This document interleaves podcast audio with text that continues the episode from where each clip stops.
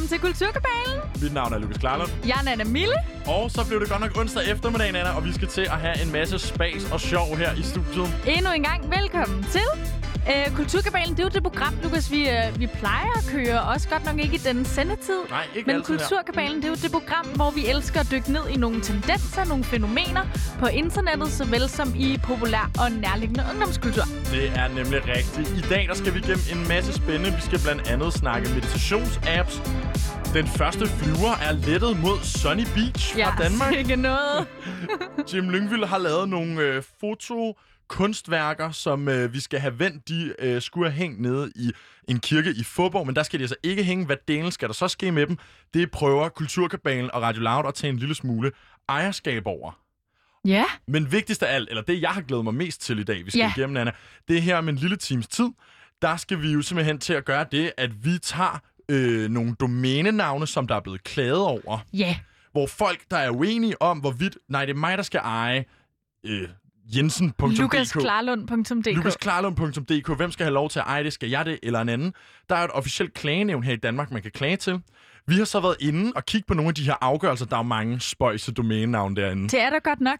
Og det vi har gjort, det er, at vi simpelthen beslutter os for, at øh, det officielle domæneklagenævn, det består af nogle forskellige øh, jurister og andre djøffere. Ja. Og- Lidt kedelige mennesker måske. Vi betvivler sgu på, hvor gode de egentlig er til at vurdere det her. Ja, vi vil i hvert fald gerne prøve at, at omdømme nogle af de her sager, ikke? Lige nøjagtigt. Derfor har vi simpelthen stiftet vores eget domæne, Ja, domæneklagepanel eller nævn. Nævn. Bestyrelse. Kært barn har mange navne. Board members. Og det vil altså sige her, om en time tid, så skal vi gå igennem det, man vil skal, kan kalde for nogle landmark cases inden for domænenavne, og så finde Ja. ud af, hvem skal de egentlig tilhøre. Og det bliver da mega spændende. Og- Øhm, men er det ikke lidt kedeligt at blive ved med at snakke om alt det, vi skal, uden at gå i gang? Måske vi bare skal starte med en sang? Altså, jeg tænker, sæt i gang. Det kan være, at jeg lige skal introducere den, mens den fader ind her. Uh, fræk. Hvad skal vi høre? Neonlys med ukendt kunstner. Uanset hvor jeg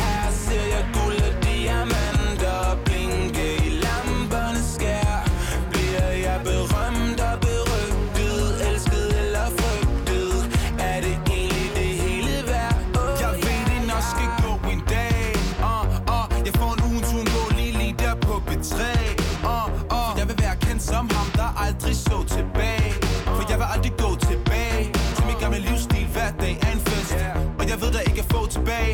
For selvom bullet på min krone siger kongen af min byse guldringen på min finger. Jeg er gift med hende. Indtil dommedag vil hun være min sidste ven. Hun passer på mig, når jeg bruger min aller sidste penge. Spiller dum og flytter hun med gifte mænd. Der siger, de passer på hende, når de prøver at gifte hende. Men jeg vil gøre alt for ikke at miste hende Fordi hun står der og smiler under mistelten 24 år, Nørrebro Brænder benzin af på H.C. Andersens Boulevard. Juen gjorde jeg ikke kunne se klart. Helt klart, jeg vil lave penge.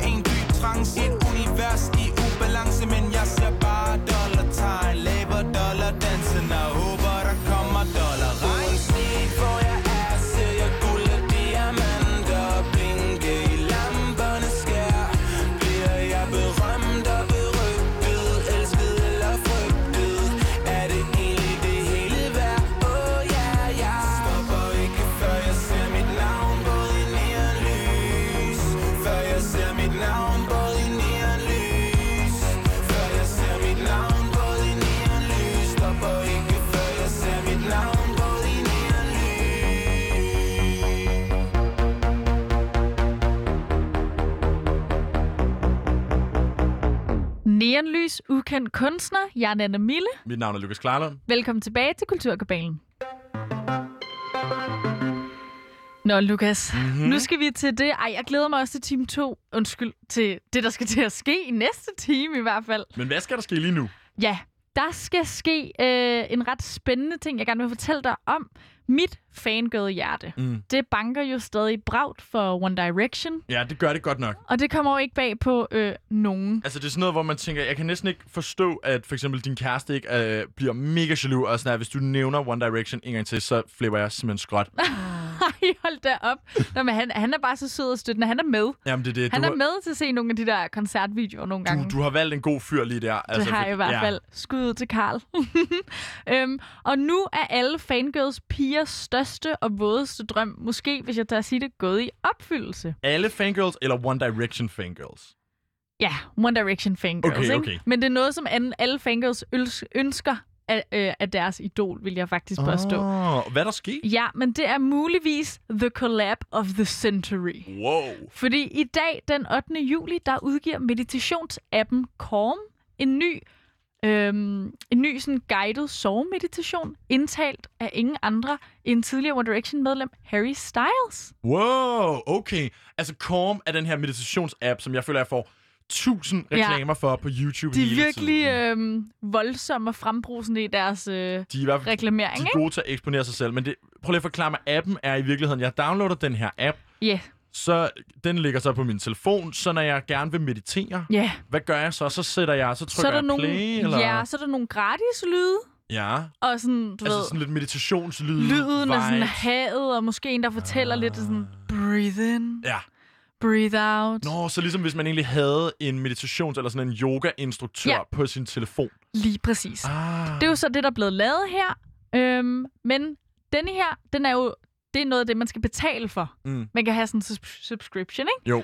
Den hedder uh, Dream With Me. Og det er en lydbid af Harry Styles, som læser en godnat-historie op for dig wow. i sin dybe, dybe stemme. Indtil videre er det kun traileren, der er blevet udgivet. Øhm, men skal vi ikke lige høre øh, klippet fra Jo, lad os lige traileren høre, i hvert hvordan, fald? hvordan lyder det egentlig, når Harry er ens meditationsguru? Lev dig lige ind i det. Luk øjnene. Okay, jeg lukker øjnene. Mm. Hello, Oh, hello. Hey Harry.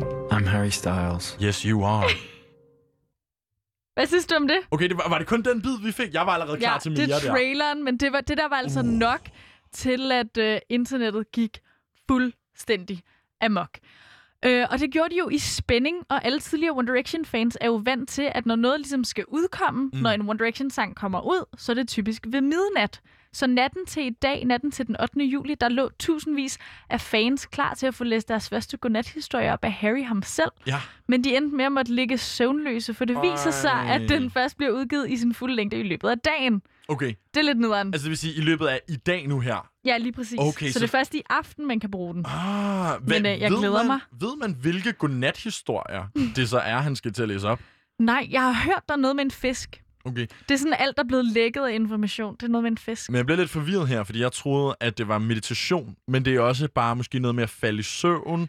Ja, det er sådan lidt mindfulness, Ja, ikke? okay. altså, ja, Det er sådan lidt bredt koncept faktisk. Det her det er ikke kun meditation, nej, men det er noget med noget mental afslappning, noget mental stabilitet. lige præcis noget mindfulness. Fordi, altså jeg kan sige allerede nu, selvom jeg ikke er One Direction-fan, Ja. så kunne jeg da godt falde i søvn til, øh, til Harrys stemme. Det lød i hvert fald Ja. rigtig godt, det der. Det Man lød, behøver uh, heller ikke høre det, fordi det er Harry. Altså, du behøver ikke gøre det for at lade, som om du er med en fanfiction. Nej, Det kan jo godt bare være for at hjælpe dig med at sove, ikke? jamen det skulle være derfor. Ja, nå, men så kom jeg egentlig til at tænke på, hvor underlig en collab det egentlig er. Det her med, at øh, Harry ligesom har collabet med den her meditations-app. Altså hvorfor den her popstjerne lige pludselig på en eller anden app og læser en godnat-historie? Ja. Det, er sådan, det er lidt off-brand Også fordi for han Harry. behøver det ikke. Nej, det gør han ikke. Han har penge, han har lige smidt et album, ikke? Jo, Nu ved jeg godt, at han skulle øh, have turet hele året, det kommer man ikke til alligevel. Men altså, okay. Så er der selvfølgelig også råd en del penge ud der. De skal hentes ind på en anden ja, måde. men tror du virkelig, Colm har betalt ham så meget? Det kunne være spændende at finde ud af egentlig, hvad de har betalt ham. Jeg tænker bare, at du... Han er typen, der vil gøre det gratis. Nej, det tror Jo, jeg han godt er. nok ikke. Jo, han er. Nej, det der, det er din fangirl-hjerne, der taler der. Det er ikke din rationelle, kommercielle popstjerne-hjerne, der Hold taler der. Helt sikkert, han ikke har gjort det gratis. Nå, men det er bare fordi, når jeg tænker sådan celebrity-endorsed produkter, Ja. så tænker jeg på de der meget opsatte tv-reklamer. Vi Ja. har noget øh, George Clooney i Nespresso-reklamerne. Ej, det er måske det mest klassiske eksempel Ja. på sådan der, når man virkelig bliver sådan brand-ambassadør, når man bare vælger en celeb og siger, du er bare talsperson for det her produkt. Ja, lige præcis. Han blev virkelig ansigtet på Nespresso kaffe, ikke? Godt nok i mange år, og det var godt nok også mange forskellige reklamer. Ja, Ej. ja, men det var som om, de havde den her storyline, at de blev ved med at bygge videre og Ja. ja. videre, og til sidst skulle man næsten have set de første 30, for at kunne forstå, hvor det bare hen med Ja. den her love interest og sådan noget, ikke? Øh, og så er jeg jo også vokset op med at se de her børneidoler i sådan anti-bumse-reklamer. Miley Cyrus og Justin Bieber, der lover mig, at det er på grund af Clarisonic, at deres hud er fuldstændig fejlfri, Ej, og ikke på grund af, alle deres hold er professionelle. Det har jeg aldrig nogensinde hørt om. Ej, sådan en rigtig infomercial. Nå. Clarisonic. Okay, og Og så... de sidder bare der, Ej. 16 år gamle. Ikke en bums i ansigtet på grund af alle deres diætister og Ja. hudlæger, ikke? Ja, selvfølgelig. Altså, og, det er øh, klart, en og man hopper over på akne. den, ikke? Ej, så, Så, tænker sidder man, man der derfor. med svær akne, hedder Nana, og har briller. Og... Det er ligesom, når tre ud af fire øh, tandlæger, de anbefaler Colgate, så sidder man også og tænker, hvem er de? ja. Altså, Og når- hvem er den sidste? hvem er, det, hvem er the holdout, ikke? Jo. Ja. Ja, men det, jeg synes bare, normalt virker det meget formelt, øh, når sådan en rigtig old Hollywood-celeb bliver ambassadør eller talsperson for et brand. Men altså, er Harry en old Hollywood celeb i dine øjne? Øhm, han er i hvert fald celeb. Han er i hvert fald en klassisk celeb. Ja, nu. når jeg tænker old Hollywood, så er det mere sådan noget filmstjerne, ikke? Ja, det er nemlig også det, jeg tænker. men, øh, men altså, han er jo stor. Det Ja. kan man ikke komme udenom. Men han, han, så, han er heller ikke så Hollywood-agtig. Han er jo brite, og bor han i L.A. eller hvad? Ja, jeg tror, han bor mange steder. Okay, Han ja. har et hus her og der, ikke? Ja, ja, okay. All that money. Men, øh, men måske, og særligt i kraft af influencer culture, tror jeg faktisk måske, at øh, den her endorsement culture også har ændret sig. Mm. Jeg føler ikke, at man i lige så høj grad længere forbinder en enkelt kendt person med et enkelt brand længere. Nu er det lidt mere sådan sporadisk og midlertidigt, hvem de ligesom kaster sit navn bag. Ja, okay. Kan du følge mig? Ja, det kan jeg måske godt. Altså, men ærligt talt, tror du ikke bare, at man kaster sit navn efter dem, som har flest penge? Det ved jeg ikke. Vil man gerne sælge sin sjæl? Det ved jeg ikke. Men så Det igen, jeg jeg føler da. ikke... Øh, altså, Korn, det er ikke sådan noget med sælge din sjæl, vel? Jeg Nej, synes, det det er faktisk en meget fin, øh, Altså, det er faktisk, et meget fint gig. det er faktisk meget wholesome på en eller anden måde. Altså, det, er Ja. meget, det er meget uskyldig ting at være reklame for. Også fordi, det er jo som sådan ikke en reklame, han har lavet. Han har jo teknisk set lavet et lydprodukt. Ja, det er et samarbejde, ikke? Jo, men det er også det, men jeg mener bare, når vi snakker for eksempel om George Clooney, og vi siger det her med Nespresso, mm. okay, men så er det meget tydeligt, han er her for at sælge Nespresso. Mm. Og man kan sige, selvfølgelig er det jo også, kommer der flere salg af den app, eller download til den app, når, når Harry Styles er med til at indtale noget. Det er klart. Men samtidig er det ikke kun en reklame, fordi vi får jo også et reelt produkt Ja, med hans han stemme. leverer det. Præcis. Han reklamerer ikke bare for noget, han leverer også det, der bliver reklameret for. Det er det. Så på den måde, så synes jeg faktisk også måske, at, at det ligesom er niveauet højere end en klassisk celeb-reklame. Enig, og der blev også lagt det her billede ud af ham, der sidder i studiet for at indtale den, disse replikker og sådan noget, Ej, ikke? du er så fangirl i dine øjne, når du snakker om det. Uh, der blev lagt et billede ud af ham, og man står bare herovre og tænker, so fucking what, at der blev lagt et billede Åh, ud. hold da op, hold da op.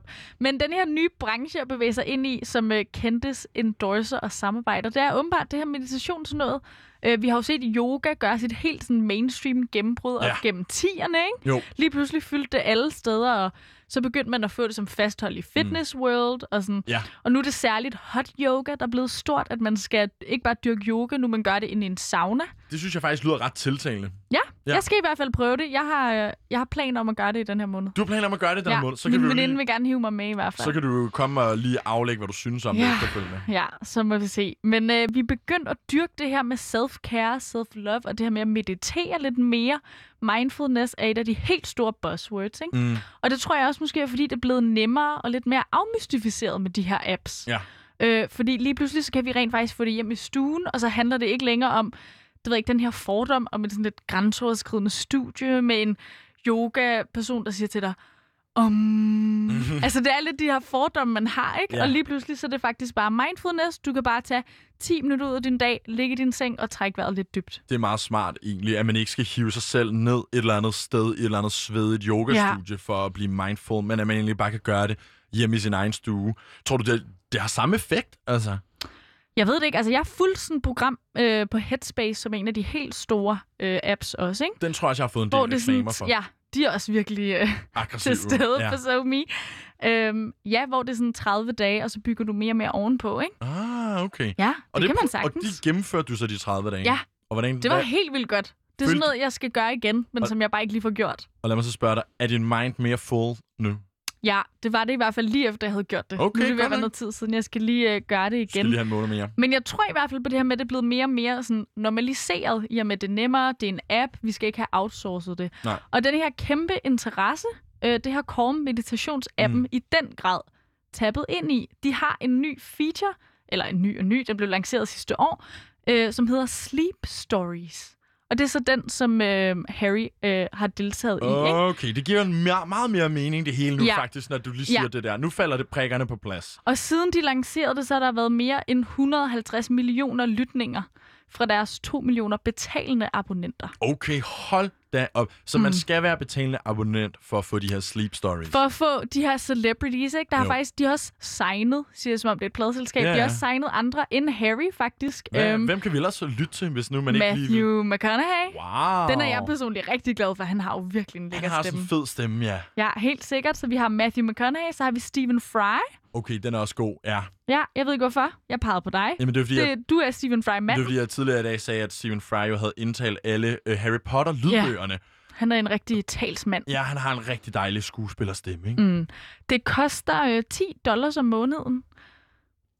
Det er ikke Det her- så... Det, altså, det, det, det er næsten et Netflix-abonnement, ikke? Jo, det er okay, hvis man bruger det meget. Jeg har en idé om, den der med Harry i hvert fald bliver lækket på Twitter ret hurtigt.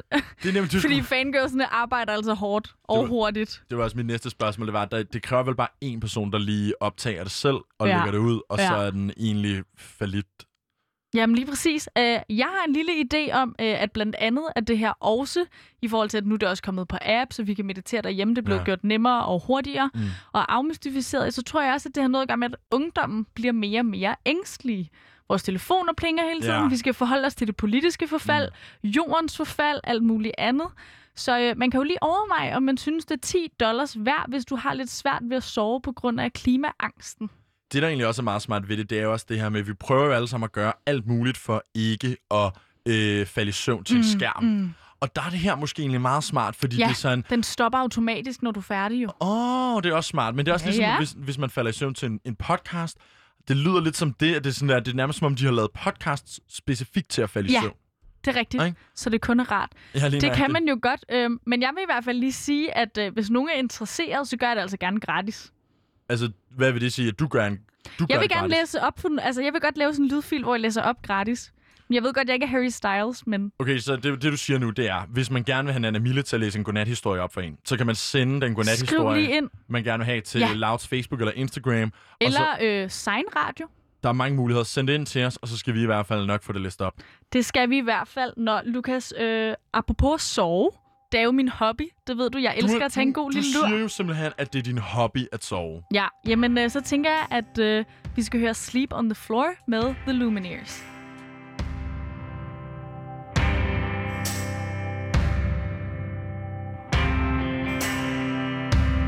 Pack yourself a toothbrush, dear. Pack yourself a favorite blouse. Take a withdrawal slip. Take all of your savings out. Cause if we don't leave this town, we might never make it out. I was not born to drown. Baby, come on.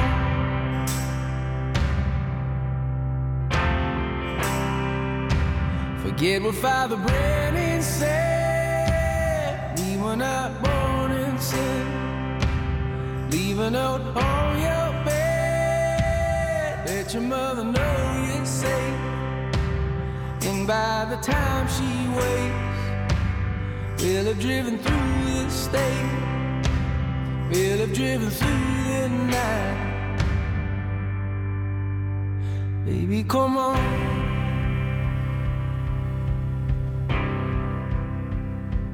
If the sun don't shine today,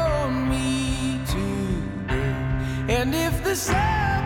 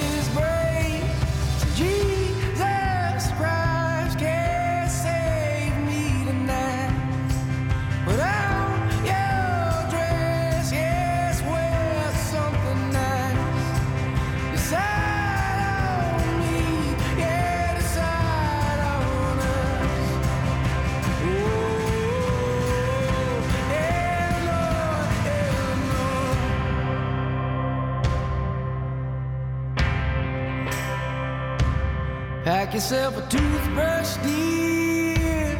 Pack yourself a favorite blouse. Take a withdrawal slip. Take all of your savings out. Cause if we don't leave this town, we might never make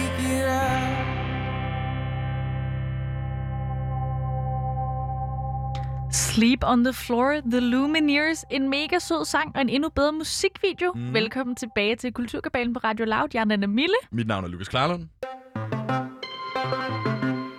Nana, i dag, der skete der noget helt specielt i Bilund Lufthavn. Okay. Der lyttede, der lettede, undskyld. der, le, der, var ikke lytter nogen, med. der var ikke nogen, der lyttede. Men der var et fly, der lettede. Ja. Det skulle til Bulgarien. Ja. Og inde i det, der sad 150 unge danske mænd og kvinder, Ej. som skulle ned til Sunny Beach og feste. Det er jo bare... Det har aldrig nogensinde lyttet særlig forsvarligt at tage til Sunny Beach. Selv i Men de har tider. simpelthen gjort det nu, at det er begyndt at lyde endnu mere uforsvarligt. Det lyder virkelig risky at rejse sådan et sted hen. Det har altid været sådan lidt, uha, skal du til Sunny Beach? Øh, Ja. Husk håndsprit og kondomer, uanset hvad. Men, ja, med eller uden corona. Med eller uden pandemi. Altså, har du nogensinde været i Sunny Beach egentlig? Nej. Havde du ikke gættet det? Jo, jeg havde heller ikke regnet med det. Ville du gide at prøve det? Tror du, du ville være frisk på det? Mm, Jeg kan huske, første gang vi mødte hinanden, der snakkede vi jo om det. Ja. Om vi øh, alle sammen skulle gøre det sammen. Nej, det tror jeg altså ikke rigtig er noget for mig. Og hvis jeg skal feste et sted, så ved jeg ikke, om det skal være... Øh, det må godt være i udlandet, men jeg ved ikke nødvendigvis, om jeg vil feste et sted, hvor, der, hvor jeg aktivt ved, at der er sindssygt mange danskere lige frem. Mm. Så det er måske sjovere at feste med nogle lidt mere lokale. Når du tænker, det er lidt underligt egentlig, det der med at, øh, at tage et sted hen i et andet Ja. land, men så er du egentlig bare totalt proppet Det med andre mig ud. danskere og svenskere. Noget af det bedste ved at rejse, det er at man kan snakke dansk. Altså, Ja, ja, man uden kan- at øh, nogen opdager, hvad du snakker om. Og det prøvede jeg en gang i Alanya, Mm. hvor jeg står på en Burger King. nu har jeg altså virkelig taget alle de steder, hvor øh, de lokale ikke er. Ja, det må man Øhm. sige. En Burger King i Alanya, så bliver du også selv om det. ja, men jeg står og snakker, og lige pludselig øh, går det op for mig, at alle omkring mig godt kan høre, hvad jeg siger. Ej, og de er alle sammen danskere. Ja, Jamen, det er fordi, det, det, jeg føler, det værste det der med, at øh, man føler altid, at man kan bagtale folk ja. på dansk. Man kan bare gå og sige det højt. Åh, prøv at se Ja. hende, ham der, eller whatever. det er så rigtigt. Øh, og, så, og det sker altså på et eller andet tidspunkt, så er det en Mm. dansker. mm, det er men det- klart. ja. Og det er jo noget af det bedste ved... Øh, ja, ja. Ja. Øv, det kan man ikke i Sunny Det, Beach, vel? det er svært at gøre i Sunny Beach. Man kan sige, lige nu tror jeg ikke, der er særlig mange, fordi det her var altså det første fly, der lettede i morges med de første 150 unge danskere, der skulle ned og feste. Mm. Og grunden til, fordi man tænker sådan der, what? Bulgarien, har I åbnet Sunny Beach? Det virker som det sidste sted, man Ja. skulle åbne under Ja. en pandemi. Altså, vi har jo ikke engang åbnet vores natklubber endnu. Nej, nej, men Og- der har simpelthen været lukket. Jeg har været ligesom lukket ned, ligesom okay. vi har haft det i Danmark. Ikke? Og vi har jo også kun øh, åbent til 12 på restauranter og værtshuse Ja. osv. Men de har altså valgt at åbne op for hele Sunny Beach, og det er altså uden begrænsninger på lukketid. Det vil sige, at klubberne mm. må holde åben til den lyse morgen, hvis de vil. Okay. Det er lige på hårdt, hva'? Det er altså lige på hårdt. Grunden til, at de gør det her, det er ikke fordi, at Bulgarien har klaret det sådan betydeligt bedre, end vi har i Danmark, og det er bare sådan, om der er slet ikke nogen grund til bekymring. Men det er altså simpelthen fordi, at deres økonomi er blevet ramt sindssygt hårdt af Mm. coronakrisen, og især i de her områder, eksempelvis Sunny Beach. Ja, Jamen, der- turismen. Lokalbefolkningen lever jo af turismen, Ja, så det er klart, der har simpelthen været et større pres det er simpelthen en nødvendighed. på at åbne op. Simpelthen. Øh, men der har jo selvfølgelig så været den her snak om, hvor forsvarligt er det egentlig? Mm. Øhm, og DUF Rejser, som er dem, som arrangerer øh, de her rejser, de er egentlig selv rimelig selvsikre. De mener ikke, at der kommer til at være de store problemer. Okay. Øhm, og de har arrangeret, eller Billund Lufthavn har arrangeret, at alle, der lander, de kan tage, når man kommer tilbage og Mm. lander i Billund Lufthavn, så kan man få taget en coronatest med det samme. Kan eller skal? Jeg ved faktisk ikke, om det kan eller skal. Ja, det skal være skal. Men hvor, hvorfor skulle man ikke gøre det, tænker jeg? Nu siger jeg lige noget, der godt kan være strengt, ikke? Ja, sige. Og så må du bare lige... Øh, Ja, så skal jeg nok lege Jones advokat. Hvis man... Øhm, jeg ved bare ikke, om det er de samme mennesker, som synes, at man skal tage til Sunny Beach lige nu, som også synes, at øh, man har den her etiske byrde af at skulle blive testet, når man kommer tilbage. Det er selvfølgelig rigtigt, men jeg tænker, at mange af dem, som tager til Sunny Beach, når de kommer hjem igen, der er en del af dem, altså hvis du er 17, 18, 19, så er en del af dem, der stadig bor hjemme hos deres forældre, eller har roommates, eller sådan noget. Og så er det jo som regel dem, som så er blevet hjemme, de vil måske insistere på, at man lige blev testet. Ja, men jeg ved nu ikke. Vi så det jo også med, øh, med de unge gymnasieelever, der var i Sverige, ikke? Det er rigtigt, som vi Hvis snakker om for forældrene ikke har grebet ind endnu, Mm. skulle de så gøre det med en test? Jeg Ja. ved det ikke, men jeg håber godt nok, de bliver testet. Fordi du kan selvfølgelig også sige, at de forældre, som lader sin 18-årige knægt eller øh, datter tage til Sunny Beach under en pandemi, ja. Er det måske også de forældre, der ikke kræver, at der bliver taget en coronatest, når man Ja. lander i Billund Og Lufthavn. det lyder måske også lidt hysterisk, men vi skal jo bare lige huske, altså... Jeg må desværre være Ja. der svar skyldig på, hvorvidt det er et krav eller en øh, kraftig opfordring Okay. til at tage en coronatest, når man lander i Billund Lufthavn. Men det vigtige er, at muligheden altså er der. Mm. Så hvordan er, hvad, hvordan er situationen egentlig i Sunny Beach, øh, når der stadig er den her coronastemning? Det eneste sådan rigtige regulativ, der er, det er, at man kun må være sådan, de må kun fylde klubber og restauranter halvt Mm. i forhold til, hvad de normalt plejer. Mm. De plejer også at stå tæt, ikke? De, man plejer jo at stå meget tæt, så der er altså halv begrænsning på. Men jeg ringede ind til Duf Rejser, som er dem, der har arrangeret det, Ja. og, og øh, som er dem, der har sendt det her første øh, fly afsted her til morgen. Og du kan lige høre, hvad Charlie derinde fra sagde. Jeg tænker, Sunny Beach, det er jo også meget noget med at komme ned og møde nogle andre søde unge mennesker, og måske kysse og knalde lidt og sådan noget. Er det noget, du vil være bekymret for i de her tider? Øh, jeg vil sige, altså det er ikke noget, jeg som udgangspunkt på den måde vil være bekymret for, fordi det gør de unge mennesker også herhjemme. Mm. øh, og man kan så vente om at sige, altså vi sætter alle vores forholdsregler og fortæller dem om de steder, vi samarbejder med. Derudover, jamen så anbefaler vi dem som sagt ikke at gå på natklub, og vi kommer heller ikke selv til at operere på natklubber. Hvis de går derhen, må de gerne. De får også at vide, at vi fraråder det på det kraftigste. Øh, derudover, så kan man sige, altså de unge mennesker, jamen om de er sammen, det vil de nok også være herhjemme. Men altså, hvis ikke man kan tage på natklub i Sunny Beach, er det ikke en stor del af det? Hvad delen skal man så lave? Jamen altså, du kan godt. Vi kommer selvfølgelig stadigvæk til at afvikle vores arrangementer Mm. med øh, de foranstaltninger og de forholdsregler, som vi har taget under hele turen derned til, øh, i samarbejde med vores øh, samarbejdspartnere dernede. Og vores gæster ved også godt, at det de er informeret om, inden at de rejser, at det bliver ikke det samme som tidligere, fordi der kommer ikke til at være så mange gæster i resortet, og du kommer ikke til at se en natklub med øh, 2.000 mennesker, som tidligere for eksempel. Så der kommer måske til at være lidt af stemningen, man mister der, tænker du? Altså, ja, det er jo op til, øh, til, til den enkelte. Altså, man kan sige, der behøver jo ikke mere end to til en fest, jo. Der skal ikke være mere end øh, to til en fest. altså, Men udmeldingen. Hvad, er du enig egentlig i det, Nana? Der skal kun to til en fest. Jeg synes, det lyder lidt lidt. altså, jeg synes altid, vi har en fest i studiet. Der Uha. behøver vi ikke at være mere end du og jeg. Men, øh, men jeg ved ikke helt, om jeg synes, det holder. Nej. bare sådan øh, generelt, er det ikke lidt ligesom at øh, lægge en pose slik frem for et barn og sige, lad, den- altså, lad være med at tage, ikke? Jamen, det er det, fordi det er ligesom at sige, altså, vi opfordrer ikke til Nej. at tage på natklub, men hvis der er noget, man ikke behøver at opfordre fulde unge mennesker i Bulgarien til, så er det at Ja. tage på natklub. Det, det initiativ, det skal de nok tage helt af sig Ja, selv. altså, de faciliterer rammerne, ja, ja, i hvert de. fald, til at man kan gøre det. Men så siger det, lad være med at gøre det. Men altså, jeg tænker, der er det virker som om, at der kommer jo til at være lidt en begrænset Sunny Beach vibe. Mm. Som det her med, at der er begrænset antal gæster, der er begrænset antal klubber. Når jeg tænker Sunny Beach, så tænker jeg én ting. Mm. Og det er det, der maker eller breaker Sunny Beach for mig. Okay. Den glade viking. Okay, og det er et sindssygt godt spørgsmål. Jeg er glad for, at du spørger ind til Den Glade Viking. Mm. Fordi det er jo måske det mest ikoniske sted, også øhm, da, Det er det. da tv-serien Sommer i Sunny Beach Ja. kørte. Der var de jo altid gæstebartender, eller sådan sommerbartender på Ja, Den Glade ja, Viking. det er ligesom, der, det sker, Det er ikke? ligesom den ikoniske klub. Øh, den glade viking har øh, gjort det, at de ligesom har lukket store dele af deres lokaler, Mm. og så har de gjort det i samarbejde med de her dufrejser, at de har rykket ud og lavet sådan en stor beachbar. Fordi på den måde, så er du ikke inde i et indelukket lokale, og der er lidt er mere rigtigt. plads, så folk ligesom kan separere sig lidt.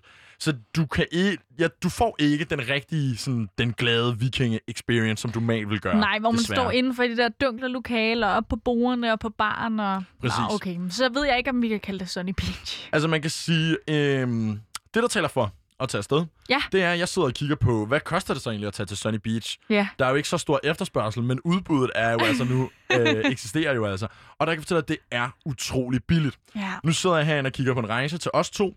Vi to, vi kunne flyve tur-retur til Sunny Beach for 2.500. Okay. Okay. Men så skal vi altså også afsted i morgen. Ja, og vi er jo allerede vikarer, og vikarerne kan jo ikke have vikar. Nå nej, Hvem det er skal rigtigt. så sende? Nej, det er ærgerligt. Hvad med i august? Og det er, også, det er måske lidt tidligt at tage det på ferie ikke. 14, 14 dage inde i sin, øh, i sin arbejdsuge. Ja, det, Det, det kan vi ikke. det kan vi nok ikke. Men jeg ved altså, heller ikke, om jeg har lyst, men det, altså, du, det virker ikke, som om du har super meget lyst. Nej. Når, øh, når men det er fristende, at det er billigt, ikke? Det er sjovt. Det er det nemlig. Men uanset hvad, så vil jeg sige, okay, øh, fedt. Det er jo bare endnu en mulighed for at lave noget mere. Og så for guds skyld til dem, der er i Sunny Beach, lad os endelig, endelig håbe, at de tager en coronatest, når de kommer hjem. I lidt i festhumøret her, vi er i nu, hvor vi snakker Sunny Beach og fest, så kommer regndans af danseorkestret.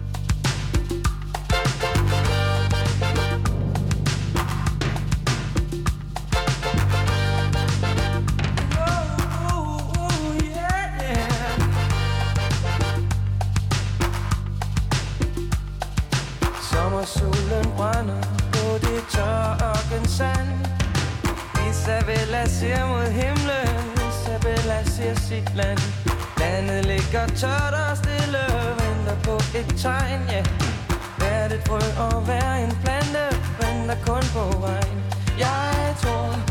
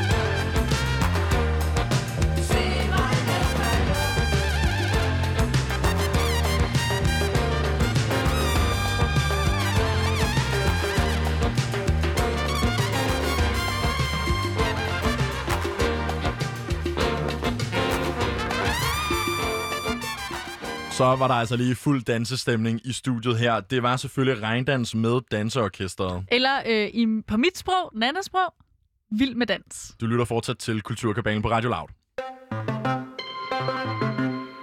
Og Nana, nu teasede jeg jo i øh, starten af programmet, at... Det gør du altid. Ja, det gør jeg altid. Jeg kan godt lide lige at drille lidt og lige give et overblik. Men der snakker jeg som det her med, at øh, noget, vi har fulgt med i den seneste øh, uges tid her på redaktionen, Mhm. mm-hmm. det er Jim Lyngvild og hans kunstværker, der er blevet lavet til Fåborg Kirke. Det har vi snakket meget om. Det har vi snakket meget om, og nu er der altså kommet en afgørelse i sagen. Bare lige for at riste den op, skulle man ikke have fulgt med i, hvad der er, der er sket. Så øh, for noget, et stykke tid siden, der var der en lokal erhvervsmand, han hedder Ole Bille, nede i Fåborg Kommune. Han hyrede Jim, Jim Lyngvild til at lave nogle kunstværker til den lokale kirke. Og det var altså, Jim Lyngvild lavede nogle sådan store 4, 4 gange 3 meter mm. øh, fotografier, som kom op og hænge i kirken. Og de her fotografier, det var sådan ligesom et take på sådan nogle, du ved, sådan gamle kristne væg, vægmalerier. Ja, Men øh, så var det taget som øh, fotografier, og så var der sat for eksempel smartphones, kunstige mm. negle, øh, et lesbisk par med tatoveringer, sådan bare lidt Banksy-agtigt. meget sådan lidt artsy, sultne løver, der hænger rundt, og bare bryster, og det var ligesom sådan lidt moderne. Game of Thrones. Det, det, og det var jo et forsøg på at prøve at sige, okay, folkekirken har ikke så meget fat i ungdommen, de mister medlemmer af folkekirken. Mm, mm. Øhm, hvad kan vi ligesom gøre for at drage folk ind? Hvordan kan vi tage noget af den her kunst og modernisere den til, til 2020, og ligesom gøre, at det kan appellere lidt til ungdommen? Ja, Øhm, og aftalen lød egentlig på, at øh, de her billeder, de skulle hænge der til en gang i efteråret. Ja. Men ikke alle i kirken synes lige godt om de her billeder. Mm. Øhm, der har været stor debat frem og tilbage om, hvorvidt kunne de egentlig blive lov til at, eller få lov til at blive hængende i kirken. Ja. Fordi det er jo egentlig sådan, at der er et menighedsråd, der er tilknyttet en kirke. Det er lidt ligesom måske en bestyrelse i en virksomhed, Ja. kan det beskrives som. Øh, og det er egentlig dem, der kan træffe beslutningen.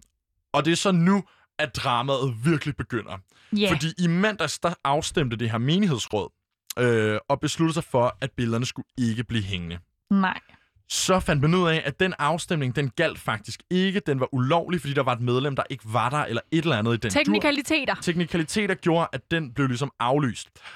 Øh, samtidig bliver der så sat en afstemning i gang på kirkens Facebook-side. Mm. Her er der 8.300 personer, som er inde og stemme i den afstemning. Fedt, at den skulle være mere legitim end, øh, end den anden. Jamen, den er, altså, den er uofficiel, så den er mindre Ja, ja. legitim. Det er det, jeg mener. Ja, men i virkeligheden kan man sige 8.300 personer fra Fåborg. Vi ved egentlig ikke, hvor de er fra, men lad os antage, at de bor i Fåborg. Øhm, de stemte, og 97 procent af dem stemte, at de gerne vil beholde yeah. billederne eller fotografierne i kirken. Hold da op. Det altså, jeg og nu har han jo lavet dem.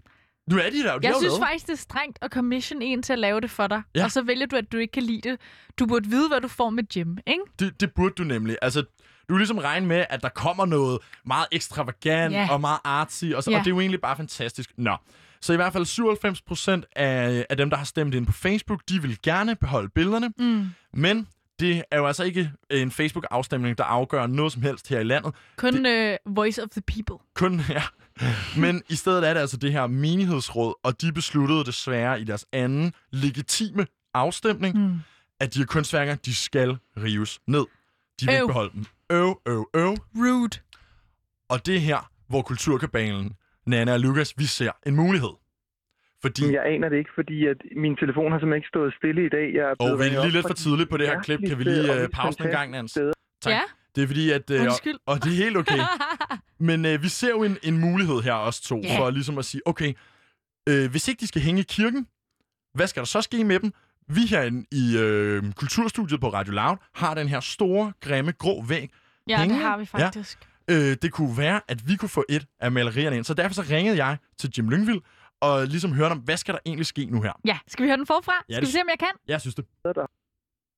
Jeg aner det ikke, fordi at min telefon har simpelthen ikke stået stille i dag. Jeg er blevet ringet op fra de mærkeligste og mest fantastiske steder, der har spurgt, om de måtte overtage dem, og om de måtte udstille dem i andre kirker. Og så, så jeg ved det ikke. Altså lige nu skal jeg lige finde hoved og hale i hele den her proces her, Mm. mm. fordi at jeg har skabt et monster åbenbart, men det er et positivt og et dejligt monster. Så, øh, så brændes, det bliver de nok ikke. Men hvad der skal ske med dem, det ved jeg ikke. Det er jeg glad for at høre. Altså, vi har jo fulgt med herinde på Kulturredaktionen på Radio Loud med stor interesse. Mm. Og grunden til, at jeg ringer, det er, fordi nu kan jeg høre, at der sejler lidt rift om. Men jeg står altså med en stor, grim, grå væg herinde. Ja. Og, så derfor er vi også lidt interesseret i at få udstillet dem. Hvad vil du give for dem? Kan jeg jo så spørge dig. Jamen, Nej, øh, det er ikke det, det handler om. Det er ikke det, det handler om. Det handler om, hvor, hvor giver de bedst mening at mm. være. Og jeg ved ikke, om Radio Loud er det rigtige sted. Det kunne det godt være. Det er jo en ungdomsradio, så derfor så øh, kunne det sagtens være et Radio Loud-ting, fordi det handler om at komme øh, de unge mennesker og børnene i møde, fra mit synspunkt også. Så det kunne sagtens være, øh, være jer. Men, øh, men der er bare også andre steder, som, øh, som har øh, måske mere religiøs betydning, som mm. også kunne være interessant. Der kan du høre, Nana. Altså, grunden til, at vi måske ikke får dem hængende, det er altså, fordi at Loud Studio måske ikke har nok religiøs betydning. Endnu. Endnu. og også, vi er tydeligvis ikke de eneste, der er interesseret i at få nogle af de her fotografier. Nej, for søren. Men, men ved du hvad? Nej. Jim og jeg, vi snakkede lidt videre efterfølgende. Okay, off the record. Off the record, og der kom vi frem til et kompromis. Ja. Og det kompromis, det er, at vi får nu tilsendt de her fotografier, som han har skabt, de her kunstværker. Mm. Og hvis vi selv printer dem, Ja. så vil Jim Lyngvild gerne komme ind i studiet til en officiel ophængningsceremoni Ja. i studiet. Ja.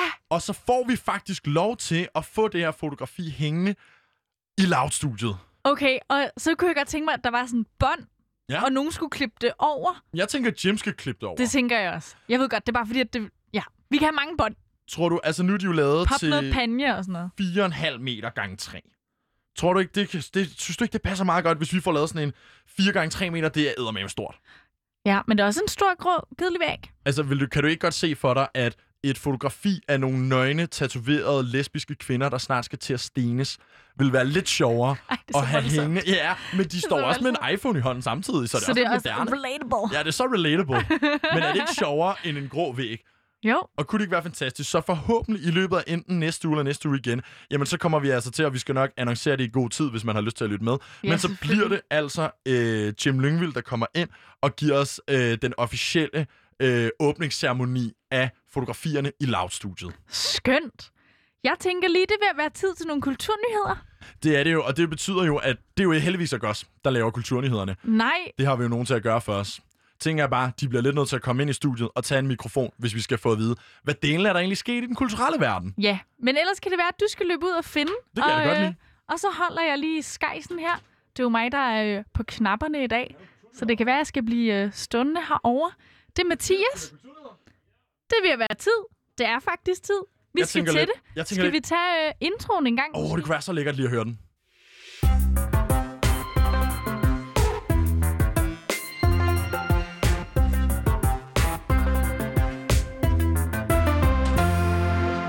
Mathias Stilling er trådt ind i studiet nu. Han ser koncentreret ud med en stor stak dokumenter, Nana, og det betyder, at det er tid til nogle kulturnyheder. Velkommen til, Mathias. Ja, mange tak. Man kan jo næsten høre lyden af, at jeg tager en vindhætte på. Øh, sådan så jeg kan puste ordentligt ind i mikrofonen og bringe øh, nogle af de allerbedste kulturnyheder nogensinde. Øh, ja, jamen, er I klar? Er I er klar? I fuldstændig klar? Ja, vi er så klar. Som var det en Infernal-koncert i 2016, eller hvad det er, vi Eller taler om? 2020 Der var jeg også klar. laver de altså også gode koncerter, Infernal. Okay, jamen, øhm, nu skal vi se. Øh, jamen, det er jo sådan lidt, hvad for en hånd vil du have, fordi der er jo en, en del. Øh, jamen, vi kan starte med den her. Øh, dansk pas er i top 10 over de mest magtfulde i verden, skriver Ritzau. Mm. Ja, Det var jo øh, i sig selv ret imponerende. det er jo uh, that Danish privilege. Jeg skal lige forstå, når du siger magtfuld, er det, hvor mange lande man kan få adgang til, vi snakker om her? Ja, fuldstændig. Øhm, altså det gennemsnitlige pas, Ja. altså Ja. det pas, som en, øh, en hver borger i verden kan have på baggrund af, øh, hvilket land man er borger i. Ja. Øh, gennemsnit så er det 107 lande, hvor du kan rejse sådan rimelig frit rundt. Okay. Det er den rødbedefarve der, der bare er the golden ticket. Mm. Altså de der, Mm. den der farvekode, som den røde bedefarve har, ikke? Ja. den giver lige adgang til 80 Ja. ekstra. Det er ligesom i uh, Charlie og Chokoladefabrikken, Men hvor man skal have den der gyldne billet. rødbedefarven, er det ikke øh, generelt for EU? Det er Jo. ikke kun vores, der er ret mange, der har den Der er farve. ret mange, der har taget den farve. Vi kunne Okay. godt have en Ja, lidt det ved jeg mere faktisk unik. ikke. Jeg er farveblind, så Den jeg ser bare sådan... Øh, Ah, Men det, der er sådan noget med våbenskjold og sådan noget. I hvert fald. Øhm, altså, Danmark er i top 10, og det er, Wow. fordi vi har adgang til 187 lande. godt nok mange. Det er rimelig mange, og Stor procentdel også. Vi bliver, øh, vi bliver toppet af øh, blandt andet Japan og Singapore, som har adgang til... Japan har adgang til 191 lande. Mm. Ja, Singapore har adgang til 190 lande. wow, Så okay. det er, sådan, altså, det er Tæt meget, løb. meget få lande, Vi- som vi ikke lige rammer. Ellers så er det jo en masse af de der europæiske lande. Sådan noget, øh, Italien, Finland, Spanien, Luxembourg, som Mm. har adgang til mange lande. Der tænker man, Udenrigsministeriet, skal vi ikke lige tage os sammen og lige få de, de sidste par lande, så vi kunne være nummer et? Helt ærligt, hvor meget, hvor meget diplomati skal der til? Og så spørgsmålet er også, om øh, folk har gjort deres ordentlige turismearbejde og sørget for, øh, har man nu også lyst til at rejse det her sted hen? Ja. Bliver det brandet nok, eller er det måske bare et sted, der er forfærdeligt, og man ikke nødvendigvis har lyst til at rejse til? Altså, vi behøver ikke til Nordkorea, tror jeg, behøver ikke en rejsetilladelse. Nej, det er jo sjovt, du siger det, fordi på listen over de der pas der, øh, så kan man også se, hvad for nogen, der ligesom har ret begrænset adgang. Og det er jo blandt andet et land som Nordkorea, Ja. som kun må rejse til 39 forskellige destinationer. Syrien, de får 21. Mm. Og nederst på listen er Afghanistan, som har verdens svageste pas med 26 destinationer. Hold da op. Tænk, at Afghanistan ligger under Nordkorea. Det ja, overrasker det er mig faktisk alligevel. ret vildt, ikke? Jamen, det er også Kom lige ind i kampen. rimelig imponerende, at Nordkorea alligevel får lov til ret mange øh, steder, men det er jo også, altså man kan sige, øh, altså deres forgangsmand, altså Kim Jong-il, han gør jo også, at man, at man får lyst til at rejse ind i landet, for eksempel. Altså, man skal jo helst Mm. kunne se det pæne billede af det. Man kan også mm. sige, måske lige med Nordkorea kan man også sige, det er jo egentlig lidt ligegyldigt, om vi giver nordkoreanske borgere lov til at rejse øh, frit ind i Danmark, for de får jo alligevel ikke lov til at rejse ud af deres eget styre. Præcis, altså det er jo mere sådan, hvem der får lov til at rejse ind i landet Lige på en netop. eller anden måde. Så jeg tror også bare, at det er sådan en, en diplomatisk ting, der sørger for, at Nordkorea lige kan komme rundt til de lande, som de har, øh, som de har lyst til. Blandt andet, hvis der er et sportsarrangement, hvor der er nogle af de Der er jeg kan- din sport. Nej, jamen, jeg kan da huske, at der var til, øh, til et VM, hvor at nogle af de her nordkoreanske spillere, de prøvede at flygte fra lejren. Ja. Det var bare sådan nogle soldater, der var trænet til lige at spille lidt fodbold. og så får de bare, simpelthen, så, så bliver de bare fanget som tiger i et bur. Sikkert noget, men øh, dejligt, og det er godt lige at blive mindet om, at øh, vi skal være glade for vores pas. Så er der et godt nyt i forhold til HIV. Okay. Ja, Fedt. okay, det er også lang tid siden, vi har hørt lidt om HIV. Ja, lad os få noget. En øh, lille medicin nyt. Der er en brasiliansk mand, som bliver refereret til som Sao Paulo-patienten, som er øh, den første person nogensinde, som er blevet kureret øh, for HIV ved øh, medicamenter Hold da op. alene. Nå. Wow! Altså, Før, før der har det været sådan noget med, at man har... Øh, måske så er der nogen, der også har haft noget kræft, og skulle have haft noget, øh, noget, noget magtransplantat øh, i knoglerne og sådan noget, Ah, Ja. som har gjort, at, øh, at det har hjulpet til, at man også har kureret HIV. Og det vil sige, at der er tre verden, som indtil videre er blevet kureret af HIV. Men han, den her person her er den første nogensinde, hvor det kun er med medicamenter, som skulle kurere HIV. Det er altså godt nok vildt at tænke på, at det er alligevel også 30 år siden, vi Ja. stod midt i en HIV-epidemi, eller ingen af os gjorde jo så, vi er jo alle sammen unge, men, men at verden gjorde, og nu står vi jo ligesom her lidt tilsvarende med en, med en corona, dog, dog en pandemi, men altså Hmm. forhåbentlig om 30 år, så, øh, så er der coronakurering. Ja. Forhåbentlig før. Ja, forhåbentlig før. Det er sådan, der, der vokser lige en lille plante op af asken her, øh, at der lige er en eller anden form for, øh, for alvorlig sygdom, som, som kan blive kureret i, Mm. øh, i en måde, som vi ikke havde forstået før. Mm. Det, som der var med det her øh, projekt her, det er, at, øh, at ham her, Sao Paulo-patienten, han har, øh, han har været inde på sådan et forsøg sammen med fire andre patienter, hvor han så er den eneste. Men så er jeg ikke rigtig helt endnu at sige sådan fuldstændig, at han er kureret, fordi at der er nogle små faktorer, som, som gør, at det også kunne være, at der var noget andet Okay. som gjorde, at han, øh, han blev kureret. Men det er så tæt på at blive klassificeret som kureret som overhovedet muligt. Vi tager øh, glæden på forskud. Ja, men det, ja, og så alligevel ikke, fordi at de, altså, det er kureret i citationstegn, så jeg tror Okay. alligevel, at, øh, at den har noget på sig. Ah, og det er meget godt. Og det er blandt andet sådan en sjov øh, ting med, at ham doktoren, som skulle lave det, han har ligesom prøvet at provokere HIV-viruset frem i kroppen, for bagefter sådan at fange det. Okay, urart. Der er ikke nogen, der skal fremprovokere HIV i min krop. Det lyder som en øh, vild øh, medicinsk metode at anvende der, men det du siger er, at det er altså ikke, fordi han vader ud nu her og har ubeskyttet sex. Så sikker er man ikke på den kurering der. Kæmpe HIV-teknik. Og så skal jeg jo lige have et uh, helt perfekt uh, lydklip herover fra uh, din mikrofon. Lad os lige se, hvad vi har. Vi kan godt stå tæt herover. Åh, oh, jamen det er så Det fornemt. ser meget nyt ud. Det er jo altid rart, når man lige skal have afspillet et klip. Det giver jo altid lidt ekstra info øh, til historien. Nu kan jeg se, at der bliver bladret rundt i alle mulige mapper for at finde det rigtige frem. Okay. Er vi klar? Ja!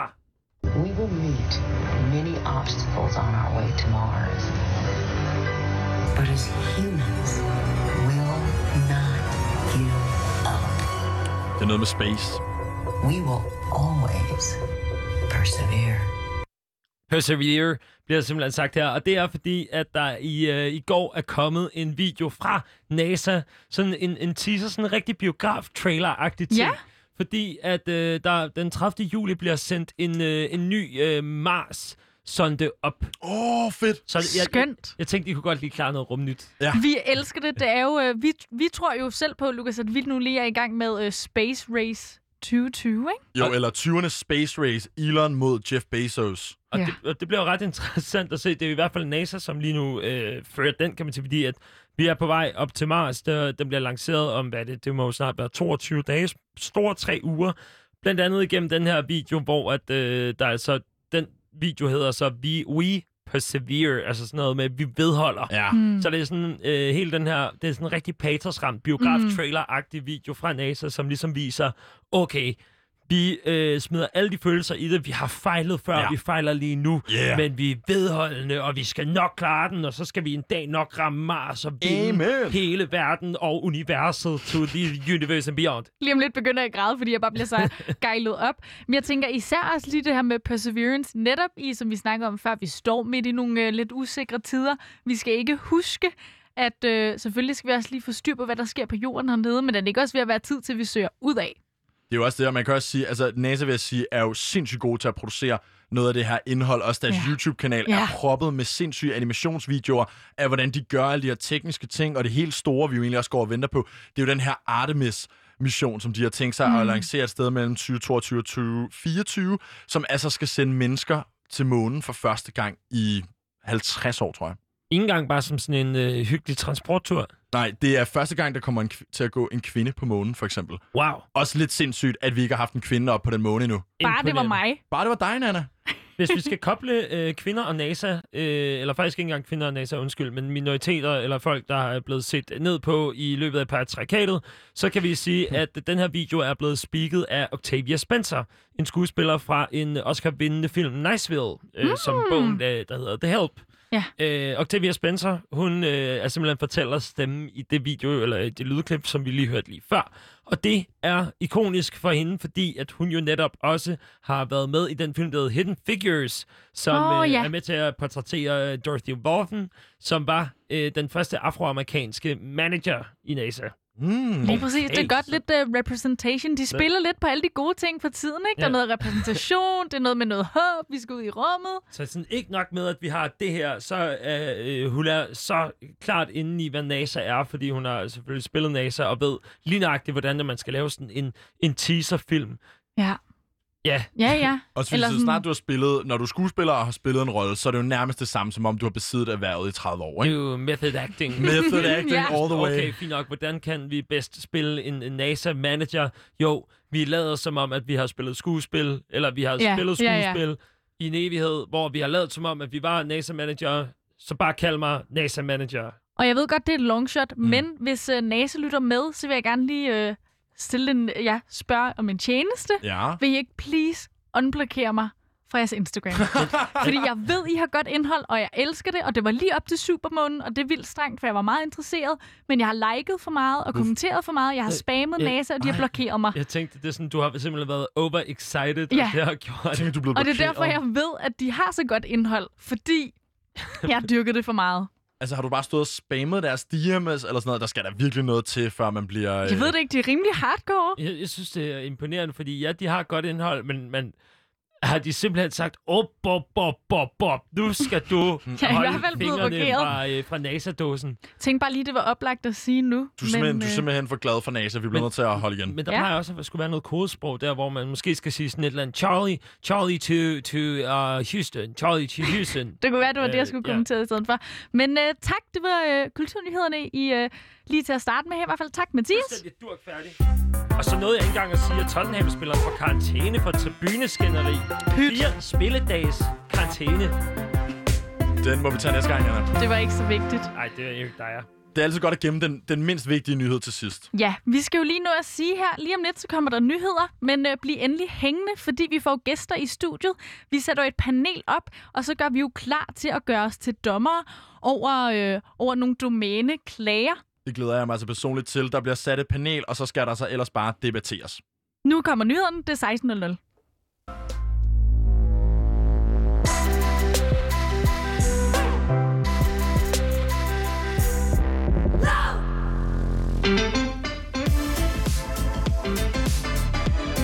Og det var lige mig, der lavede klassikeren første gang, at jeg kom til at tænde på mikro.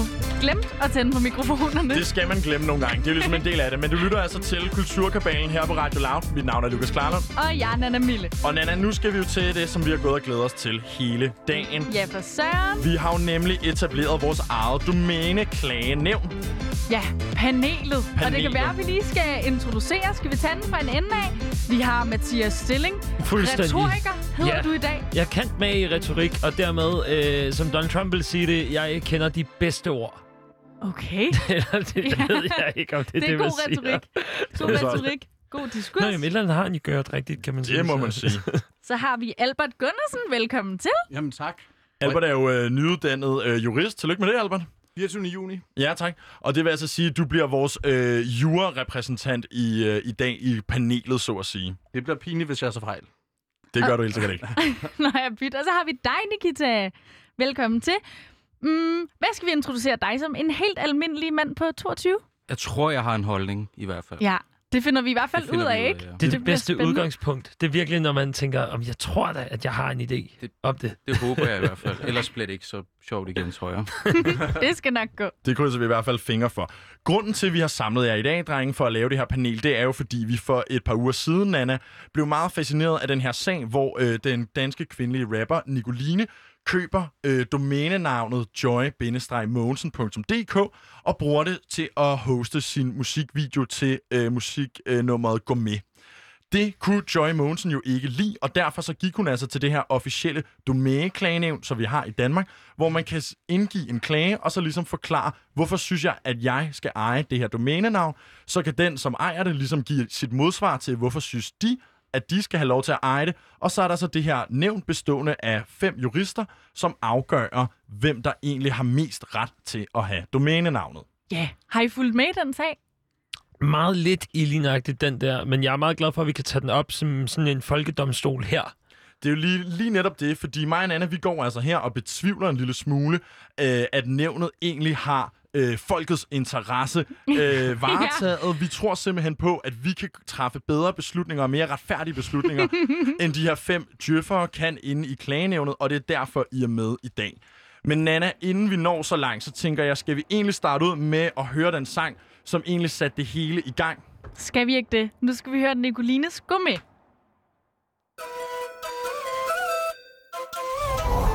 Tom er mere populær Flere og flere kopierer det siden det sker. Radio bliver fyldt af dumme klichéer. Jeg saboterer, jeg er en oprørsherre. Mod pops og klæbrig som camembert.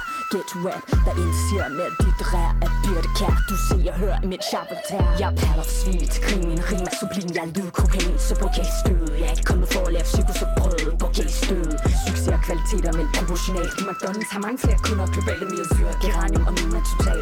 Fuck det, flertallet vil have McD. Fuck det, jeg går med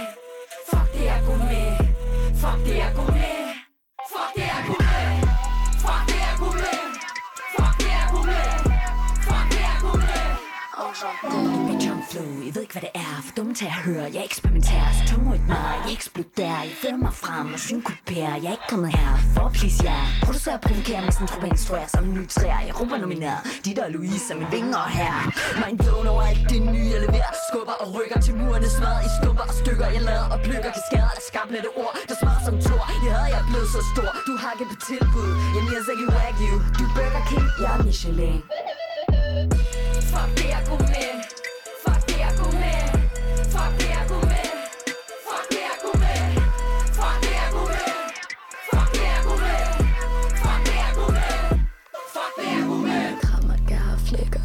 flækker, der rammer Sola, plexus, slår sand og så og så Bakker dig, jeg splatter dig til du tager dig. Jeg kommer gar, flækker, der rammer. Sola, plexus, slår sand og så og så Bakker dig, jeg splatter dig til du tager dig Petosibena du virker bipolar.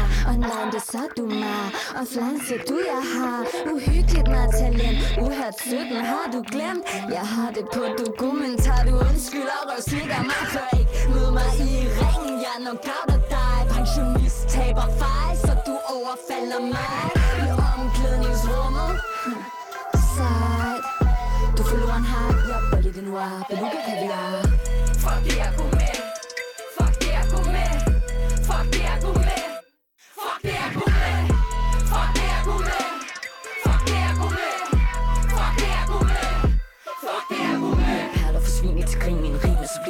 sublim Hele på gæstød Jeg er ikke kommet for at lave cirkus og brød På gæstød Mit klikstal større end din i crew Du er affalding om mit niveau. Fuck Molly og Sandy Jeg fucker kun Fanny Kokan ikke blive i Min drink der kun vand i. Alligevel starter jeg din fest. Se mig flex jeg er unisex. Straight people don't exist. Everyone is fluid Det er sound det Du er en til en kopi Wannabe. Nu kommer de i kølvandet på mig Som en klipbane vej. Flertallet er dumt til salg Os dig. Fuck de er gode.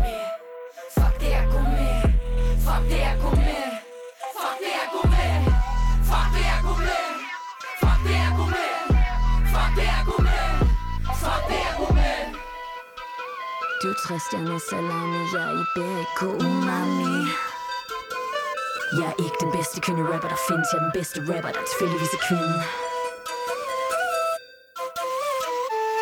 Nicolines Gå med. Altså, øh, det, Hvad siger vi til det? Jamen, altså, det er fordi, hver gang jeg hører den sang, så kommer jeg jo til at tænke på den meget øh, pornografiske, jeg ved ikke, om man kan kalde den pornografisk, men i hvert fald eksplicite øh, video, der øh, hører til. Det tror Øhm. jeg på i hvert fald. Vi skal lige sige velkommen tilbage til Kulturkabalen. Ja, og vi øh, står jo her med gæster i studiet endnu en gang. Hvor er vi heldige. Vi kan lige tage dem igen. Vi har Mathias, vi har Albert og vi har Nikita. Og hvorfor er det, jeg har inde i dag? Lukas kan måske svare på Jamen, det. øh, det kan jeg da godt svare på. Øh, det er svært, når der står fire mennesker, der bliver stillet spørgsmål, og man ikke ved til hvem. Men altså, grunden til, at jeg er herinde i dag, det er jo, fordi, vi skal have, du, undskyld, vi skal Ja. have vurderet nogle domænenavne. Ja. Og man kan sige, altså, Nana, har du nogensinde købt et domænenavn egentlig? Ja, Har du det? det har jeg. Hvad har du et, købt? øh, et engelsk. Altså et .com? Ja, Hvad har du købt? skal jeg lige plukke det? Ja, sig det. Reply, rep, nej, jeg siger det lige igen. Sort by New podcast, Ah, som er et, spændende. øh, jeg håber at kunne holde fast i, og så kan jeg øh, lave min egen. Og det var altså Sort by New podcast. Sort by New. Sort by New. Øh, jeg kan lige forklare det, øh, blandt andet på Reddit, som er den her ja, sociale medie. Det, er- det er det, man gør, når man gerne vil se de nyeste nyheder. Så Ej. du ser ikke de bedste posts nødvendigvis, du ser alle de, alle de nyeste. Og man kan sige, det der jo er med domænenavne, det er, at man bruger dem jo egentlig primært til to ting på internettet. Det ene er selvfølgelig, at det er en form for adresse for en hjemmeside, hvor man ligesom kan gå ind og besøge. Det kender vi jo alle sammen, at man taster ind op i øh, adressefeltet i sin browser. Den anden ting, som man kan bruge et domænenavn til, det er selvfølgelig til at lave e-mailadresser til sig selv. Så nu har du, hvis jeg for eksempel ejede, lad os sige, lukas.dk, jamen så kunne jeg jo lave en e-mailadresse, der hedder hej altså ud fra det Sikkert privilegium. kæmpe privilegium, og jeg tror desværre, at lukas.dk er taget, så den tror jeg desværre ikke, øh, jeg får hapset. Og der er jo ligesom en hel økonomi omkring domænenavne. I lang tid igennem nullerne, der havde vi de her domænehajer, som ligesom ville gøre det her med at forsøge at købe domænenavne, der senere Mm. hen måske kunne blive populære eller kunne være relevante, og så sælge dem til en absurd overpris. Det er næsten sådan lidt øh, aktiehandel-agtigt, tænker på det, med de her dynamiske rater, ikke? At man sådan køber dem og sælger dem, og så handler det også lidt om at hoppe på dem, som man tror, at øh, lige pludselig bliver noget værd. Messenger.dk eksempelvis, den står stadig helt tom. Altså, jeg kommer til at gå ind på den så mange gange, fordi jeg vil ind på Messenger. Okay. Ja, ja, så står den, øh, den står stadig ledig, og der er, er et eller andet underligt på. Der er nogen, der skal være hurtige her. Ja, det skal, det skal de virkelig. Ja. Det kunne Under være, næste øhm, sang, så ved I godt, hvad der sker. I den anden ende, så Arto er jo stadigvæk optaget. Så øh, det er jo sådan en, hvor man tænker, åh, den kunne jeg godt lige overtage bare, hvis jeg ejede Arto en dag. Men øh, nej, den, den er stadigvæk sådan, vi er lukket, farvel og tak. Det er altså... Okay, så man kan ikke få Arto nu, men man kan stadig få Messenger. Det kunne godt være, at Kulturkabalen bare skulle skøbe sig ind og købe Messenger.dk nu her. Frygten er så selvfølgelig, at øh, vi så bliver hævet i domæneklagenævnet af Facebook. Jeg kan i hvert fald fortælle, at tilbage i starten af 90'erne, eller øh, slutningen af 90'erne, start 0'erne, der var der en dansker, der købte domænenavnet google.dk. Ja. Og det var Google altså ikke så glade for at øh, hæve ham hurtigt i domæneklagenævnet, og den tabte han altså godt og grundigt og blev nødt til at overlevere domænenavnet. Tænk at være ham, ikke? Jo, jo, fordi det er jo meget godt tænkt. Altså, og de burde, helt ærligt, lad dog Google betale 3 millioner dollars til ham danskeren for Ja. det domænenavn. De har så mange penge i forvejen. Øhm, men altså, det er jo ikke det eneste domænenavn, som er blevet købt og solgt igennem tiden, som du siger, Nana, det her med, det går nærmest hen og bliver et form for digital aktiv, og jeg kan se, at du har været inde og prøve at finde nogle af de her, som er blevet købt og solgt igennem tiden. Ja, fordi som I selv lige kom ind på, det er jo klart, at der er sådan lidt dynamiske rater, så der er jo nogen, der er helt vildt. Altså Facebook.com, det bliver jo kun dyrere og dyrere, ikke? Hvorimod jeg har sådan en teori om, at Snapchat er lidt faldet. Snapchat.com for eksempel, det forestiller mig ikke er helt Er det en så... øh, Ja, altså jeg har ikke tjekket den, men det må det jo være. Men det er også den mest Come ligegyldige, når man bare bruger appen, og man Ja. har fået Ja. at vide, at man Ja, aldrig nogensinde kan bruge sit webcam til at være på Snapchat. Det er rigtigt. Jamen, det er rigtigt, men så tænkte jeg, hvad med at finde nogen, som er sådan lidt evergreen? Nogen, som øh, står the test of time, ikke? Jo. Jeg vil gerne læse nogle af dem op for jer. Lad os få nogle. Vi har øh, sex.com. Hvad koster den? Den holder jo altid. Det er den klassiske fra EDB-lokalet i 3. klasse. ja. ja, og det er derfor, at den er dyr. Ikke? Den koster i hvert fald 13 millioner dollars. Wow, okay. Men Så den skal- er også god. Jeg kan ikke forstå, at Pornhub ikke har købt det domæne endnu. Det virker som det er et sådan en- oplagt en, Så en, der bare lige videresender en. Ja, præcis. Så går du bare Ja. videre rundt. Vi er et ret sikre på, at det var det her, du mente, ikke? Ja, lige præcis. Mente også bare du? Pornhub, der bare tager patent på alt sex. Det er jo også imponerende. Det er det Ja. faktisk. Altså, i hvert fald al, øh, al porno har de måske taget patent på nu her. Øhm, hvad ellers, Nana? Hvad kan man ellers gå ud og erhverve sig nu her af domæner, hvis man har øh, uanede mængder penge Og og det er det, man vil bruge dem på. Ja. Jamen, så kan du købe voice.com til 30 millioner dollars. Det er det slet ikke værd. Nej, Altså, det er overhovedet Undskyld ikke det mig, værd. men jeg kan få 50% mindre, kan jeg simpelthen få sex.com. Det er et domæne, jeg meget hellere vil Ja, eje jeg end voice.com. enig. Nikita, du står og ser lidt, hvad vil du tage? Vil du eje sex.com eller voice.com, hvis det stod til dig? Det kommer virkelig an på, hvad det var, jeg skulle bruge det til, tror jeg. Her er det. Du skal se Det det her. det Du skal se det som en investering i domæner her. Telefonsex. Se- Sex.com. Sex.com, Sex ja. ikke? Jo, det gør det jo nemlig, Det ikke? Det gør det. Vi har også lige øh, den sidste, jeg vil nævne her. Business.com. meget alsidig. Meget alsidig, ja. Og det er også derfor, at den blev solgt for 1,8 milliarder danske kroner. Wow. Milliarder? Det har sikkert ja, været en af de men det første. er danske kroner, ikke? Ja, det Ja. var faktisk tilbage i år 2007, mener jeg. Ja. Øhm, men nu må vi se. Men den er også igen sådan meget alsidig, ikke? Jeg har været inde og tjekke, hvad kulturkabalen.dk koster. Ja, tak. Lad os få den. Den er lidt afslørende. Øhm, det koster 57 kroner. Om året eller sådan noget? Cop it. Købet med det samme. Ja, der var den. Ikke om året, det tror jeg ikke engang. Bare sådan øh, en engangshandel. Jeg føler lidt det som, øh, når man øh, googler, hvad kendte menneskers net worth er. Og Jamen. vores er så øh, 57 kroner.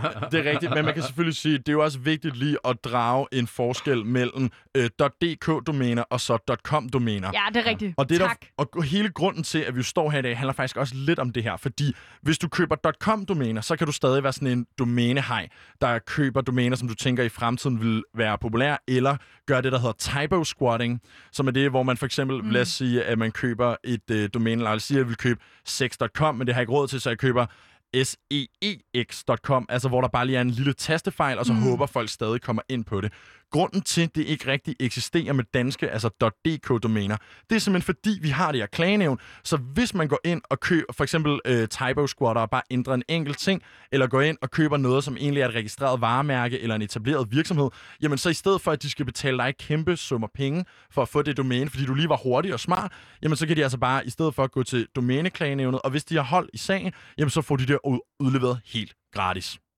Wow. Hvor ved du meget om domæner i dag? Jamen, øh, jeg har da gået og nørdet domæner hele dagen frem til det her. Altså, jeg har glædet mig utrolig meget. Det giver da god mening. Jeg vil gerne lige starte med at nominere et øh, domæne, jeg synes er vildt dårligt. Okay, kom med det. GoDaddy.com. Som altså er verdens største domæneudbyder, dem der sælger domæner. Ja, og det burde være bedre, hvis det er det eneste, I gør. GoDaddy.com. GoDaddy.com. Det kunne næsten være sex.com, ikke? Jamen, det lyder lidt som om, at de sælger nogle specifikke hjemmesider, ikke? Jo, altså, jo. er Eller er det også, så er det bare øh, moralsk støtte fra en person, øh, hvis far lige skulle til at starte sin eget øh, webserver Kom hos så, et far. firma. Ja, kom så, far! Ellers fordi, så er de smarte, så de vidste, det, det der var virkelig billigt. Det var sikkert, Ja. helt sikkert billigt. Ja. Og så sælger de de dyre. Ja, Hvis var- de andre, det, ikke? Det Altså- var faktisk måske Ja. der, Ja. at, øh, at ideen kom fra. Man må sige, det der øjeblik, hvor du ligesom er i gang med at starte din egen virksomhed, og du skal hjem til dine forældre og sige, ja, men jeg ved ikke, om I GoDaddy startede i 1997. Jeg ved ikke, om I hørte om det her internet og sådan noget, men jeg vil gerne starte en virksomhed, hvor jeg skal sælge domænenavne, og den skal hedde GoDaddy. Altså, hvis der var nogen, der kom ud til mig og pitchede den, så havde jeg tænkt, det er med et dårligt navn. Ja. Hvad tænker du, Nikita? Ja. Du er enig? Ja, jeg kunne godt finde på noget bedre. Du kan godt finde på noget bedre. Ja. I Danmark har vi jo blandt andet den domæne, hvor man tænker, det godt være det er kedeligt, men det er med lige til. Det Hvad giver mening. Det giver mening. Og spørgsmålet er, om et domæne ikke bare skal gøre det, nemlig øh, give mening. Ja, men øhm, jeg synes, jeg, jeg kunne godt tænke mig at vide lidt mere om det her klagenævn, som vi jo har i Danmark. Mm. Det var jo netop øh, i, øh, på grund af den her sag med Nicoline og Joy Mogensen, at det ligesom gik op for os to, Lukas, at Ja. ja. det findes sgu i Danmark. Der Ja, er nogle mennesker, gør der sidder og bliver betalt for, regner jeg med, øh, og sidder og tage de her valg. Hvad er det for nogle mennesker? Altså, det er i bund og grund øh, en række jurister, der sidder i det her øh, domæneklane. Selvfølgelig. Let's go. Ja, selvfølgelig. Albert, den Albert nyuddannede er jurist, er repræsenteret. yderst tilfreds, og det kan være en dag, Albert, du kommer ind og sidder i det rigtige. Nu er det her i hvert fald en, en god intro-mulighed. Vi kan jo sende det over til domæneklagenævnet, det her. sande portfolio. Jeg siger, hallo, skal I, ikke have, skal I ikke have nogen, der er øh, født efter 1967 med i det panel også? Men i hvert fald så er det altså det her panel, hvor man kan gå ind, hvis man vælger at klage og sige, jeg burde eje det her domænenavn, men der er en anden, der har købt det. Øhm, så koster det faktisk noget at klage. Hvis man så vinder klagen, jamen, så får man penge tilbage, men hvis man taber, jamen, så øh, skal man altså betale det her beløb. Og jeg tror, det varierer lidt alt efter, hvilket navn der er snakke om. Øh, men det er i bund og grund sådan, det fungerer. Det er egentlig rimelig simpelt, og alle kan sådan set klage. Og hvis man ejer et domæne, et domænenavn, så kan alle også risikere at blive klaget over. Og det er jo godt at vide, ikke? At man sidder altid og er klar. Men det, der så sker, når man så indgiver en klage, det er, at man præsenterer sit bedste argument for, hvorfor er det mig, der skal eje det her. Og så modtager den person, der ejer domænenavnet, modtager så den her og siger, hov, der er sgu blevet klaget over mig. Så formulerer de deres bedste argument tilbage, og så er det altså op til de her fem jurister at beslutte, hvem der har ret til domænenavnet. Kunne det være sådan noget som, øh, hvis du gerne vil overtage lukas.dk Yes. og sige, åh, Lukas, jeg vil gerne have det her, jeg udfordrer dig til kamp, og så, øh, fordi at Lukas hedder jeg, Ja. og så kommer Lukas tilbage som ejer det her domæne og siger, nej, Lukas, fordi jeg var her først. Lige nøjagtigt. Og det er vigtigt at svare på, øh, hvis der kommer en klage. Fordi at det kommer faktisk øh, den indklagede til skade, hvis ikke at man kommer med et svar i sagen. Okay. Så man må hellere huske, huske at svare, hvis man får sådan en, en, en modtager en klage i sin, øh, i sin e-boks. Gør det hvor man nemlig, og jeg kan også, nu har jeg jo siddet og været igennem en del af de her gamle sager, og jeg kan se, hvis den der person, der bliver den indklagede, som du kalder det, Albert, altså den, der bliver klaget over, ikke svarer, jamen altså, så øh, går det som regel bare til den person, der har klaget. Så hvis man en dag får sådan en, øh, jeg går ud fra, den tækker ind i sin e-boks, så skal man altså lige huske at besvare den. Men kan du viske så? Bare lige sådan viske og sige, "Shh, Lukas, Lukas, jeg vil gerne have det domæne. Og så kan det være, at de ikke lægger mærke til det, og så har du den bare lige pludselig. Altså, øh, det kan man jo, øh, det kunne man egentlig godt lige prøve at se, hvis det var. Men jeg kan ikke se, hvordan jeg skulle viske, fordi du får vel stadig en, du får en officiel besked fra dem. Åh oh, ja. Uanset hvad, så synes jeg faktisk, det er interessant, Mathias, at du bringer det her med, om jeg vil have lukas.dk op. Fordi lige om et øjeblik, så øh, åbner vi jo altså op for, at vi skal have debatteret nogle af det her. Vi skal have godt gang i vores domæne-panel. Nemlig, og det skal vi jo, fordi vi har fundet nogle af de gamle sager frem, og vi vil give dem en ny rettergang, og det er jo juryen, det er jo jer, det er jo vores panel af Mathias, Albert og Nikita. I skal faktisk gøre det modsatte af, hvad Niall Horan siger i den her sang. Han øh, har lavet den her sang her, der hedder No Judgment, men jeg håber godt nok, at I vil falde en dom. Så er der folkedomstoler. Barefoot and a bottle of wine. You can stay with me tonight. Change when I'm around you. So go ahead and say what's on your mind,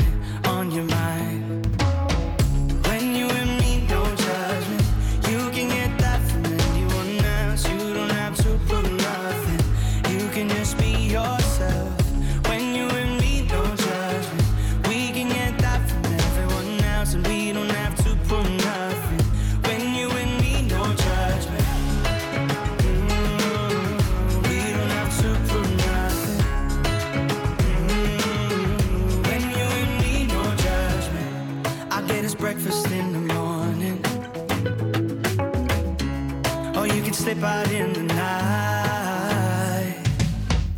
You don't have to give me a warning. Cause we both got nothing to hide, nothing to hide. Even though we don't talk for a couple of months, yeah, it's like we didn't lose any time. I could be a lover or your shoulder to cry on. You can be whoever you like. Oh,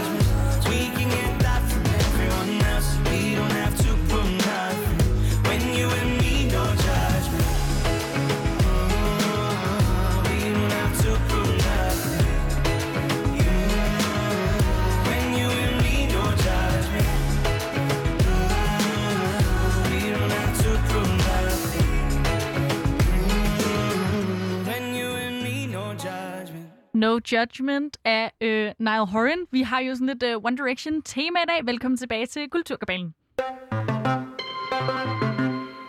Mit navn er Lukas Klarlund, Og jeg er Nana Mille. og det vi skal til nu, det er jo simpelthen det, vi har gået og ventet på hele dagen. Også grunden til, at vi lige spillede den her No Judgment, bortset fra, at vi skal gang i det modsatte. Vi skal have drengene, vores domæneklagepanel her, til at give en masse judgment og en masse bedømmelser.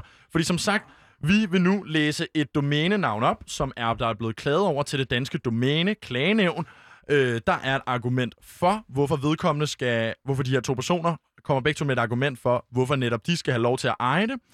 Og så er det altså op til jer at øh, vurdere, hvem der øh, er mest berettiget til at eje domænenavnet. Det er sådan nærmest som at være med til sådan en juraforvis, eller hvad er det, forelæsning, hvor man skal begynde at vurdere. Det er dejlig holdundervisning, det her. Hvad, hvad siger den nyuddannede jurist Albert? Minder det her om en juraforelæsning? Der er ikke blevet så, øh, sagt så fremt endnu, så jeg ved ikke, hvor meget det minder om det. Men så fremt, at vi gør det, så bliver det den mest sexede Der var den. jura Og der var vi. Der var vi, der var vi. Og der kan du se, hvordan retorikeren øh, samler op på juristen lige der.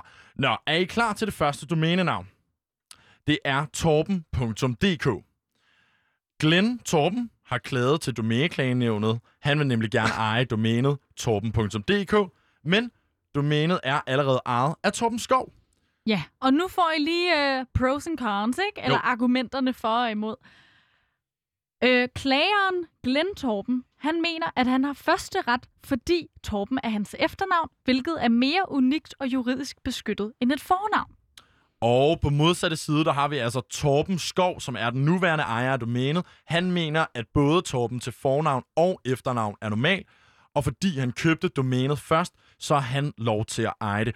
Nikita, vi starter over hos dig. Hvad tænker du, når du hører de her to argumenter?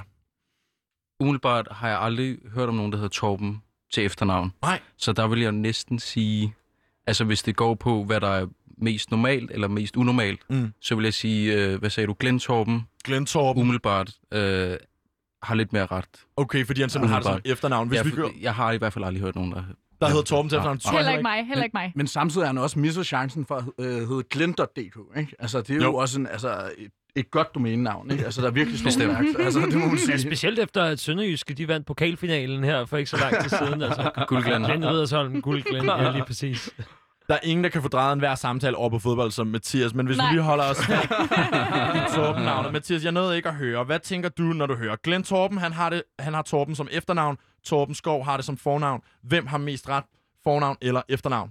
Øh, jamen, jeg vil vurdere, at- at det er den, som først har, øh, haft domænet, fordi det der med, at du har et navn, altså hvis, for eksempel, hvis det er Sten, du har som efternavn, Mm. det kan man godt hedde, men Ja. hvis du også hedder Sten til fornavn, eller hvis du sælger Sten, så er der lige pludselig en eller anden sondring mellem, jamen, altså hvad fanden er det øh, lige pludselig, der skal beskyttes?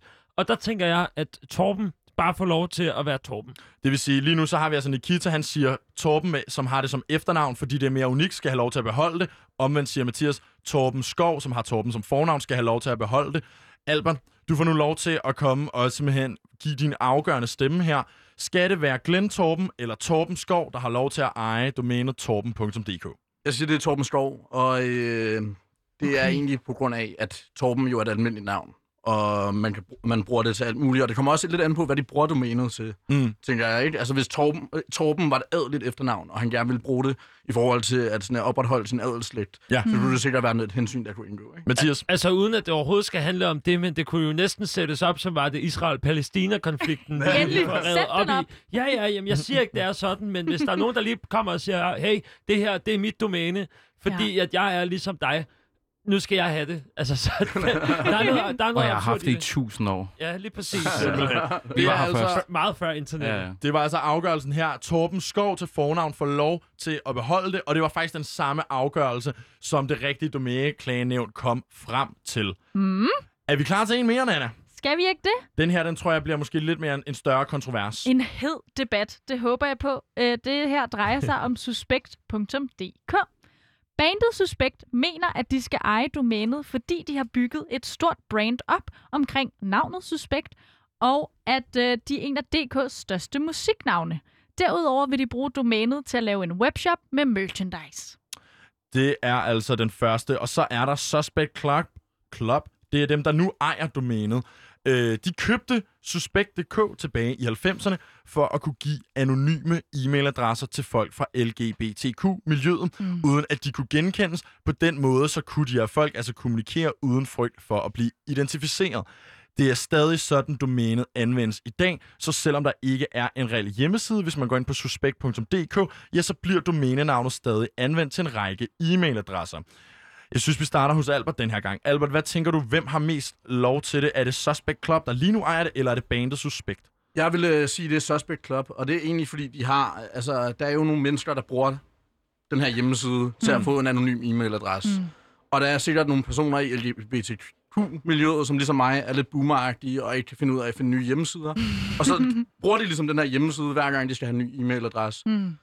Og øhm, så hvis den lige pludselig forsvinder og øh, bliver suspekt hjemmeside, og det bliver suspekt hjemmeside, Mm. så vil de ikke længere have den samme mulighed, og det vil ikke være lige så let mm. for dem at, øh, at kunne få en, øh, en, en beskyttet e-mailadresse. Spiller det ind i den her øh, beslutningstagen, at det er jo et lidt sårbart emne, ikke? Ja. Jeg kan godt mærke, at jeg bliver allerede lidt påvirket af følelserne involveret, og hvis nu det bare var en anden, som gerne ville sende sine sandwiches, øh, suspect club sandwich, så ville det være noget andet måske, men jeg har faktisk lidt svært ved at skulle være sådan fuld lawyer op, i og med, at det faktisk er en rimelig sårbar sag, det her suspect club. Så er det jo heldigt, at det ikke er dig, der sidder i panelet, fordi så Ja, ja, ja. slipper du for at abstrahere for det. Hvad tænker du, Nikita? Kan du adskille, at det er et lidt sensitivt emne, øh, eller tænker du også, at, at de to ting hænger sammen? Øh, jeg skulle bare lige forstå igen. Hvis du går ind på hjemmesiden nu, så er der ingenting. Så er der ingenting, nej. Men, men, hvis, men domænet bliver stadig anvendt til e-mailadresser. Det vil sige, der er ikke nogen hjemmeside, men det har altså en funktion som e-mailadresser for de her øh, homoseksuelle eller LGBT-personer. Øh, personer. Jeg tror måske godt, jeg ville kunne adskille det og sige, Mm. jeg tror, altså musikgruppen Suspekt ville kunne få mere ud af det Ja. på en eller anden måde, Mm. og jeg tror sagtens, man kan finde en eller anden form for løsning til, Det lyder også rigtig, rigtig fornuftigt. Øh, Ja. ja. Så det vil altså sige lige nu, så siger Nikita, vi giver det til bandet Suspekt. Albert siger, Suspect Club får lov til at beholde det. Det vil sige, Mathias Stilling, du får lov til at afgøre nu her. Skal det være bandet Suspekt, eller skal det være Suspect Club, som altså får lov til at eje suspekt.dk? Jeg tror, det hele handler om, at, øh, at det skal tjene øh, det edle formål. Mm. Altså, Mm. mm. Suspect Club er jo en enormt vigtigt formål, og hvis at man lige pludselig tager det fra en minoritetsgruppe, så sender det måske øh, nogle signaler, som man ikke har vildt meget lyst til at identificere sig med, som Suspekt for eksempel. Men øh, altså, Suspekt har jo så set sig rimelig neutral på den og sagt, jamen altså, vi kan vinde meget mere, og det er også, hvis at du spørger en hvilken som helst dansker, eller ikke en hvilken som helst, men jeg tror, at størstedelen, og du spørger, jamen, Suspekt, hvad forbinder du det med? Så vil du nok forbinde det med øh, gruppen, Mm. dernæst ordet, og dernæst, eller tredje næst, Mm. vil det så være Suspect Club. Men om det er, altså jeg synes, at så fremt, at man kan skabe en, øh, en ordentlig løsning, jeg sagde så fremt igen, wow, kom igen. igen. Ding, ding, ding. Jeg tror, jeg tror virkelig, at hvis man kan finde en fornuftig diplomatisk løsning på det, så vil det være øh, til øh, Suspects fordel at få den hjemmeside. Det, det domæne. Det, der er desværre ikke nogen måde, hvorpå man kan finde en diplomatisk løsning. Det er enten eller, der kan kun være en ejer uden andre kompromiser. Så, I så fald, synes jeg, at Suspect Club, Suspect Club skal beholde den. det vil altså sige, yes. at Suspekt de kommer til at tabe denne her i vores domæne klagenævn, og det gjorde de også i virkeligheden. Ja. Der var det også Suspect Club, der fik lov til at beholde det, og Suspect Bandet blev altså nødt til at finde ud af noget andet. Men det er jo ærgerligt, fordi det er det eneste, de har i form af at sælge sig på navn. Ja. Så skal de hedde altså netop sådan noget suspectband.dk. eller Ja, den Suspect Merch. Eller ikke? Det er jo alligevel ham, der bærer det. Kinkyfætter.dk Kinkefætter.dk GoDaddy.com. det er jo faktisk ikke helt dumt. Nej, det er det faktisk det ikke. Det virkelig. Fordi det, hvis der er noget, de kunne slå sig op og ud og Suspect, All så var det right, sgu da den er hermed købt. Ja, tak. Mathias Stilling skynder sig lige at købe den der. Og mens han gør det, så rykker vi videre til øh, den her omgangs sidste øh, domænenavn, og jeg er sgu lidt spændt på, hvordan I kommer til at reagere på den her. Det kan godt være, at den bliver en smule ensidig, men I har også været uenige indtil nu, så det er jo fantastisk. Det sidste domænenavn, som I skal vurdere, hvem der har mest ret til at eje, det er domænet kjeldspølseudlejning.dk. og øh, jeg kan starte med at sige, at øh, klageren her, som ikke ejer øh, domænenavnet, det er Kjeld. Han har øh, virksomheden Kjelds Pølser og Udlejning APS. Og Kjeld forklarer, han siger, øh, at det er hans pølseudlejning, og han har ansat et firma til at lave hans hjemmeside. Det firma, der lavede hjemmesiden, købte domænet for ham. Nu vil han gerne skifte hjemmesidefirma eller webbureau, og vil gerne have det her domænenavn med sig, men hans gamle firma, MySupport, som de hedder, vil ikke overdrage domænet til ham. Nej, og dertil der siger MySupport, at øh, de har købt domænet, og derfor ejer de det. Og de har faktisk ikke vil udtale sig særlig meget yderligere. Hvad tænker du, når du hører det, øh, Nikita? Ja, Den er svær. det synes jeg. Jeg synes, den er meget mindre, relevant, end den vi havde lige før. altså, jeg synes, øh, Relevant radio. og det er en meget lang hjemmeside også i forhold til de andre, er det ikke det? Kjelds Pølseudlejning. Der- Ja, .dk. jo. Ja, hvad tænker I andre, dreng? Jeg, jeg tænker, at Kjeld han får den. Fordi at det er jo ligesom blevet købt under den forudsætning af, at Kjeld skulle have domæ- domænenavnet. Mm. Og øh, så er det øh, altså også blandt andet fordi, at, øh, at det, der, det der bureau, de har jo ikke noget at bruge det til. Nej. Kjeld, han skal sælge sine pølser. Kjeld skal, skal jo sælge sine pølser og, han og skal udlejning. og han skal udleje. Mm. Og, og det, det kan han jo kun gøre ved, med domænenavnet. Kjeldspølseudlejning.dk. Yes. drømmen om et svulstigt domæne, og det skal det jo kun komme til rette med, hvis at man kan servere øh, gode pølser og udleje sin pølsevogn. Mm. Så øh, ikke alle de der borgere der. Nej. Så det er altså en, øh, jeg tror, vi tager det som en klar afgang på, at øh, Kjeld får lov til at øh, få overdraget det domænenavn. Ja. Kjelds pølseudlejning, den skal han sgu have lov til at beholde, skal han ikke det? Jo, og hvad endte det egentlig med? Jamen der kan jeg også fortælle, at det endte selvfølgelig med, at Kjeld fik lov til at beholde. Yay! Yay! Sådan. The big corporation didn't win today. Der findes trods alt retfærdighed i den her verden. og også i domæneklagenavnet. Det var altså de første, det var første omgang, de første tre. Vi har tre mere, hvor vi skal ind i nogle måske endnu større kontroverser, når det kommer til domænenavne her om et øjeblik. Men inden den, Anna, hvad skal vi så til at høre? Jeg tænkte, det kunne være sjovt at høre That's Not My Name Ja. med The Ting Tings. Four-letter word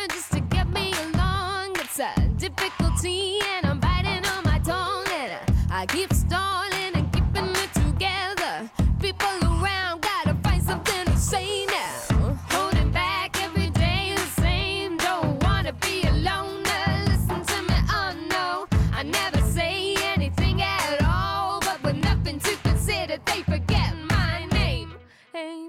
Aim, aim. They call me Hell.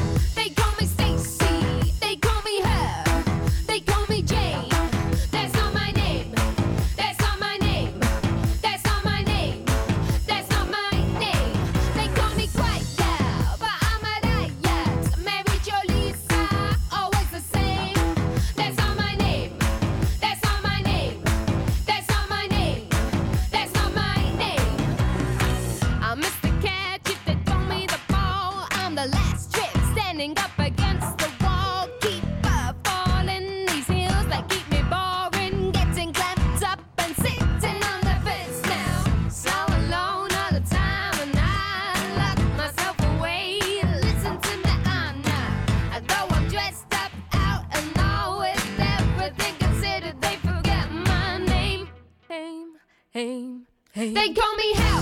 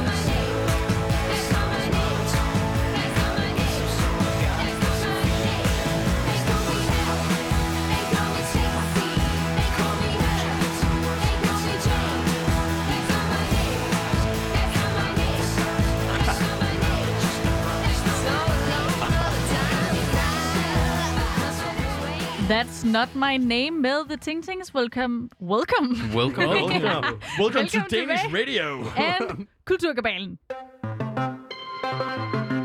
Som sagt er vi jo stadig i gang med her i Kulturkabalen, det helt store domæne-klagenævn. Og vi er nu nået til de tre sidste domæner, vi skal have vurderet i dag af vores panel. Og det er som sagt Nikita, Albert og Mathias, vi har i studiet. Drenge, velkommen til. Tak. Tak. Og det næste domæne, vi skal have vurderet, det er følgende. crazychicken.dk Skønt. Og her er der altså, jeg vil synes bare mig, så er der altså to gode argumenter. Jeg tror, den her den bliver svær. Nu får I lige det første. Det her det er klageren, personen, som ikke ejer domænet, men som gerne vil have fingrene i det. Dion Tranekjær, der er en dansk streamer, en Twitch-streamer, har øh, handlet Crazy Chicken. Han har klaget over, at han ikke ejer crazychicken.dk, fordi han mener, at han skal eje domænet, fordi han har altså en Twitch og en Facebook-profil med samme navn. Ja, og øh, Mustafa øh, Yilmaz har... Yilmaz? Re- Yilmaz? Undskyld. Tak. har restauranten Crazy Chicken. Han mener, at det er hans ret at beholde domænet, fordi han har brugt det til sin e-mail siden år 2003, og han har tænkt sig at åbne en restaurant i løbet af 2020 med navnet Crazy Chicken. Det er noget, han lige har fundet på. altså, Ja, hva- hvad siger du, Albert? det er, så- han har lige, sikkert lige fundet på det. altså, bare sådan, altså, lige så snart domæneklagen den bare røg, ind, Ja. så tænkte han bare, jeg skal åbne en virksomhed. Ja. Du tænker det- som, som argument, ja, ja, at øh, ja, så ja. må han lige have fundet på den. Åh oh, nej, nu er jeg faktisk nødt til at åbne en... Øh... Man kan jo tjekke det, om der er, restaurant. rent faktisk er åbnet en virksomhed. Bare lige for lige at gendrive en lille smule på den der, så har han jo altså ejet domænet øh, siden 2003. Ja. Så det vil sige, at han har alligevel på en eller anden måde været affilieret med Crazy Chicken på en eller anden måde Ja. øh, i en række, en årrække. Men, men der er det som om, han ligesom har misforstået det. Altså, det der Crazy Chicken, det er jo sådan noget, du normalt ville smide, inden du skulle sige snabelag yahoo.com eller hotmail.com. Mm. Altså, Snabelag crazychicken.dk. Ja, altså han har lige taget en revers og tænkt, okay, så hedder Crazy Chicken, snabelag Crazy Chicken, i stedet for bare at tage Crazy Chicken, snabelag hotmail.com, eller et eller andet. andet. Hvad tænker du, øh, Nikita? Argumentet er jo ligesom det her med, hey, jeg har Twitch-handle og en Facebook-profil, der hedder Crazy Chicken. Derfor skal jeg have lov til at eje crazychicken.dk. Er det nok? Altså, nu skal det ikke handle om, hvor, øh, hvor velhavende de to personer er. Jeg gætter på, Twitch-streameren tjener en hel del. Det Øh, har de det med at gøre, ikke? Altså, jeg vil sige, at det her det er en dansk Twitch-streamer. Okay, Og hvis okay. der er noget, de ikke gør, så er det at tjene mange penge i. Danmark, tror jeg. Der er okay. ikke så mange seere. Fair nok. Ja. Øh, men det lyder som om, han har brugt det som e-mail siden 2003, og han vil gerne åbne en restaurant, men det har han ikke gjort endnu. Han har ikke gjort det endnu. Han har ikke gjort det endnu. Nej. Så han har ikke nogen restaurant. Jeg skulle lige til at sige, da I sagde det, jeg tror, jeg har spist på den restaurant, for jeg var overbevist om, at det var et sted. Okay. Men det er det ikke. Øh, Ikke alligevel. Så kan det være, at man skal slå sig sammen med en, der allerede hedder Crazy Chicken. Det er jo garanteret et sted, hvor du kan få mad. ja, de kunne slå sig sammen eventuelt. Twitch-streaming, Det det er lidt reklame for Mhm. Crazy Ja. Chicken, ikke? Ja. Altså, det, jo, det kunne sagtens være. Det kunne sagtens være en god idé. Det kan man i hvert fald overveje. Hvis vi skulle tage en afstemning her, vi starter hos dig, Mathias. Hvad siger du? Crazy Chicken? Er det øh, Twitch-streameren, eller er det restaurantejeren, der skal have lov til at beholde det? Det er Twitch-streameren, i og med, at han ikke er restaurantejer, og det er sådan lidt en dårlig undskyldning. Sådan lidt, ah, jamen, jeg vil gerne have det, men ah, men jeg havde også tænkt mig, at jeg skulle have en restaurant nu. Okay, så det, du, du, øh, du disregarder, at han har haft det siden 2003 og brugt det til sin e-mail, fordi så havde han sgu nok åbnet en restaurant, der hed Crazy Chicken, hvis det var på Ja, det her hvis tidspunkt. det, hvis det er det, der er argumentet, ja. Albert, er du enig med Mathias? Helt enig. Helt enig. Af helt samme årsager. Nikita, hvad Ja, tænker du? Enig. enig. Okay, så der er, Spændende. der er simpelthen fuld enighed i panelet. Crazy Chicken, det går altså til Twitch-streameren Crazy Chicken, også bedre kendt ved det borgerlige navn Dion Tranekjær. Ja, i hvert fald øh, herinde i studiet, ikke? Jo, fordi i virkeligheden, der var det faktisk Mustafa, der fik lov til at beholde det til sin restaurant Crazy Chicken. Og han sagde, at restauranten ville åbne i april 2020. Jeg har endnu ikke kunne øh, finde den derinde, men det er sådan en ting i Kulturkabalen, vi løbende vil holde øje, holde øje med, hvorvidt Crazy Chicken bliver åbnet. Læg lige drømmene. Det er jo et problem, når Suspekt de begynder at ringe til mig, fordi nu har jeg jo købt domænet kringefætter.dk. Jeg er under sangen her. Og det betyder, at jeg så skal åbne, hvad, en sexshop eller et eller andet, øh, når Suspekt de ringer, for at jeg kan beholde mit domæne. Du skal i hvert fald skynde dig på en eller anden måde at retfærdiggøre, hvorfor det er dig, der, øh, der ejer domænet. Ja. Ja, og vi skal også lige skynde os, så vi kan i hvert fald nå bare en mere. Det her, det handler om fuck, se og hør.dk. Alle medier, der ejer se og hør, øh, mener, at det er for let at forveksle fuck, se og hør.dk med den rigtige se og hør.dk. og det er derfor, at de skal have lov til at eje domænet. Om, omvendt så er Palle Hansen, som er den nuværende ejer af Fox Se og Hør, han mener, at han skal have lov til at eje hjemmesiden, da Fox Se og Hør er en vending, der ofte er brugt i drags, dagspressen. Derudover så driver han ikke siden med et kommersielt formål eller for at lukrere på Se og Hør. Nikita, hvad tænker du her? Hvad, hvad sker der, hvis man kommer ind på Fox Se og Hør? Men øh, der er sådan lidt noget, hvor de gør lidt nar med nogle artikler, som ser og hører Men så er du vel ikke i tvivl om, du er på den rigtige Se og Hør, eller om du er inde på... på Det mener aller, at du kan være ejeren bag, mener, at du kan være i tvivl. Mener du, man kan være i tvivl? Nej. Hvis man går ind Jeg- på Fox jeg, og hører? Nej, Nej. ja, man burde ikke være i tvivl. Man burde ikke være i tvivl. Nej. Albert, hvad og siger det er du? jo også ytringsfriheden på en eller anden måde, der er i spil her. Ikke? Jo. Altså, fordi det er jo det der med, at man godt må lave sjov med ting, og vi er jo ret glade for at lave sjov med ting i Danmark, og det synes jeg er rigtig godt. Ser du det her for, som en form for satire? Det gør jeg. En, ja. ja. en, en uh, parody art, Ja. på en eller anden måde. Simpelthen Ja, inden for domænenavnsfæren. Ja. Men til stilling vil du have det sidste ord med her omkring Fox Se og Hør. Skal det gå til Se og Hør.dk, eller skal det Palle Hansen have lov til at beholde det? Åh, det er jo ondsindet satire og kæmpe hits og alt det der. Nej, selvfølgelig så synes jeg, at Fox Hør skal beholdes hos Fox Hør. Jeg, jeg, jeg, det er bare en god lols, og der er ingen tvivl om, at du kan skelne mellem, hvad der er Se og Hør, og hvad der er Fox Se og Hør. Det, der er interessant her, det er, at vores øh, panel her, Nana, er fuldstændig enige i, at Fox Se og Hør skal have lov til at beholde domænenavnet Fox Se og Hør. Men det virkelige øh, domæneklagenævn, de mente altså, at det var Se og Hør, øh, der havde ret. Og derfor, hvis man går ind på Fox Se og Hør nu, så er, sker der intet, fordi det blev simpelthen overdraget til alle medier og magasiner Ja. Se og Hør. Den skal indbringes for domstolene. Altså, man kan bare... Altså, det. Når du siger Fox Se og Hør, så går du ind på Se og Hør. Det er meget ironisk. Ja. Øh, nu bytter vi altså lige uh, Mathias ud, og så byder vi velkommen til Frederik. Vi er færdige med domæner, for nu vi skal høre nogle kulturnyheder.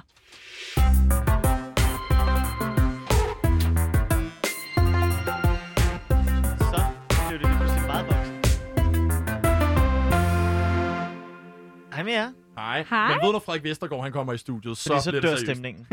Ja.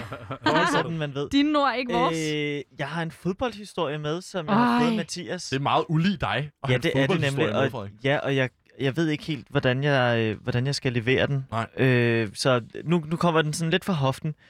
Øh, men at der er en spiller fra en fodboldklub, der hedder Tottenham.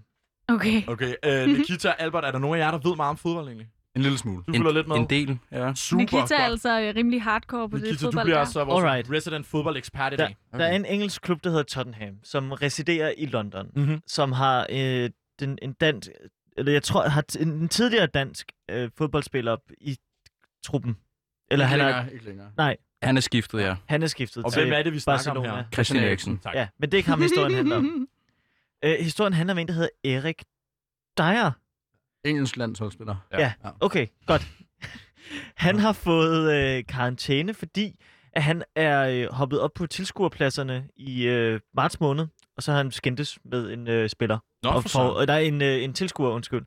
Øh, og så har han simpelthen altså, forrettet, forrettet tilskueren. Okay, og på hvilken måde har Ja. han forudrettet ham? Man har sagt grimme ting til ham. Nå. Han har konfronteret ham, står der, i det her telegram fra Ritzau. Jeg har har- set klippet. Nå, okay, det ser, vil du ikke fortælle, hvad der det sker ser i ret vildt for? ud. Ja. Altså, og han, det, er ikke, det er ikke, at han bare lige hopper op. På, ti- han hopper mange pladser op af stadion Okay. og skal have fat i en meget specifik person. Ja, og grunden til, at han skal have fat i en meget specifik person, det er fordi, at, øh, at øh, tilskueren skulle have sagt nogle ting om hans... Jeg, jeg ved det ikke. Nogle altså, hans Det var i hvert fald vildt og personligt, lyder det som, ikke? Jamen, det var det nemlig. Og hans bror, ikke? Jo, tak. Jo, jo, jo, Okay. det tror jeg. Det, det tror Altså, jeg, jeg det var tror noget måske- Jeg har læst den her igennem fire Ja. gange, inden jeg kom herind, for at prøve at forstå den. Og Det er jeg har super, så det er godt god at... sted. øh, Det jo- I troede, I skulle et domænepanel, men i virkeligheden så blev vi faktisk lige pludselig et fodboldpanel. Ja, det er det. Ja. Skide godt.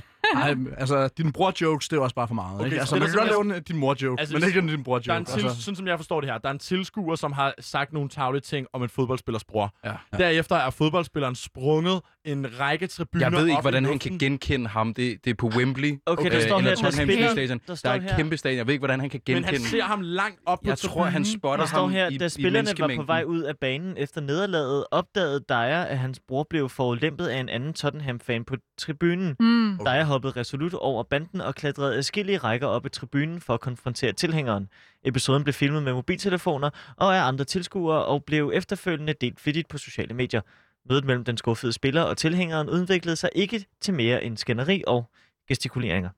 Efter en kort undersøgelse valgte politiet at droppe sagen, men nu har øh, Dyer her, han har så fået en øh, bøde og fire spildages karantæne, og bøden den er på 329.000 danske kroner. Det var, hvad jeg øh, magtede af sportsnyheder. Så Ja. nu går vi over Videre. til noget, jeg forstår. Ja. De danske biografer har det sindssygt hårdt lige nu. Ja, for søren. Vanvittigt hårdt. Og øh, i juni måned, ikke? Ja. der oplevede man 40% færre tilsku eller hvad hedder det, besøgende end øh, sidste år. Mm. Må Det er jo ikke chokerende. Nej. Nej, man må vel heller ikke proppe biograferne endnu, må man det? Nej, altså du må gerne gå i biografen, men der skal stadigvæk være, øh, hvad hedder det, et, Et sæde, sæde. imellem hver. Mm. Og så er det jo ikke så overraskende, at den er Nej. delet med 40 procent. Plus at folk har bare heller ikke, altså folk tør jo ikke Nej. Nej. øh, gå i biografen. Jeg tør faktisk godt. Jeg skal i biffen i den her uge. Uh, hvad skal du se? Interstellar. De viser den igen i Empire, og jeg glæder mig til at sidde og få eksistentiel krise på den helt store skærm.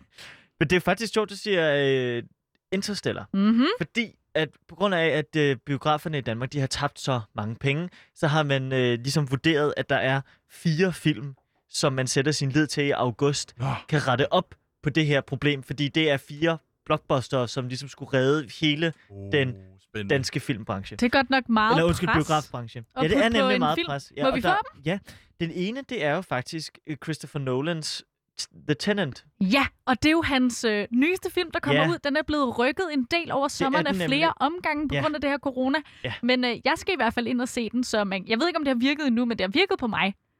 Altså, at... Øh, Jeg skal tilbage igen, og jeg skal Åh, ind ja, og ja, se ja, den på det store lærred, ikke? Men jeg kan slet ikke vente. Men allerede nu kan vi jo høre, Nana, at to gange på inden for en måneds tid, at du er i biografen, Ja. så har du også givet dit økonomiske bidrag Jeg er til den branche. i måske den, der single-handedly redder den Dansk- danske dansk biografbranche. Især fordi du giver penge for at se en udenlandsk film. Det er så skønt. Kan vi få en til, hvad den næste? Ja, det er øh, live-action-udgaven af Mulan.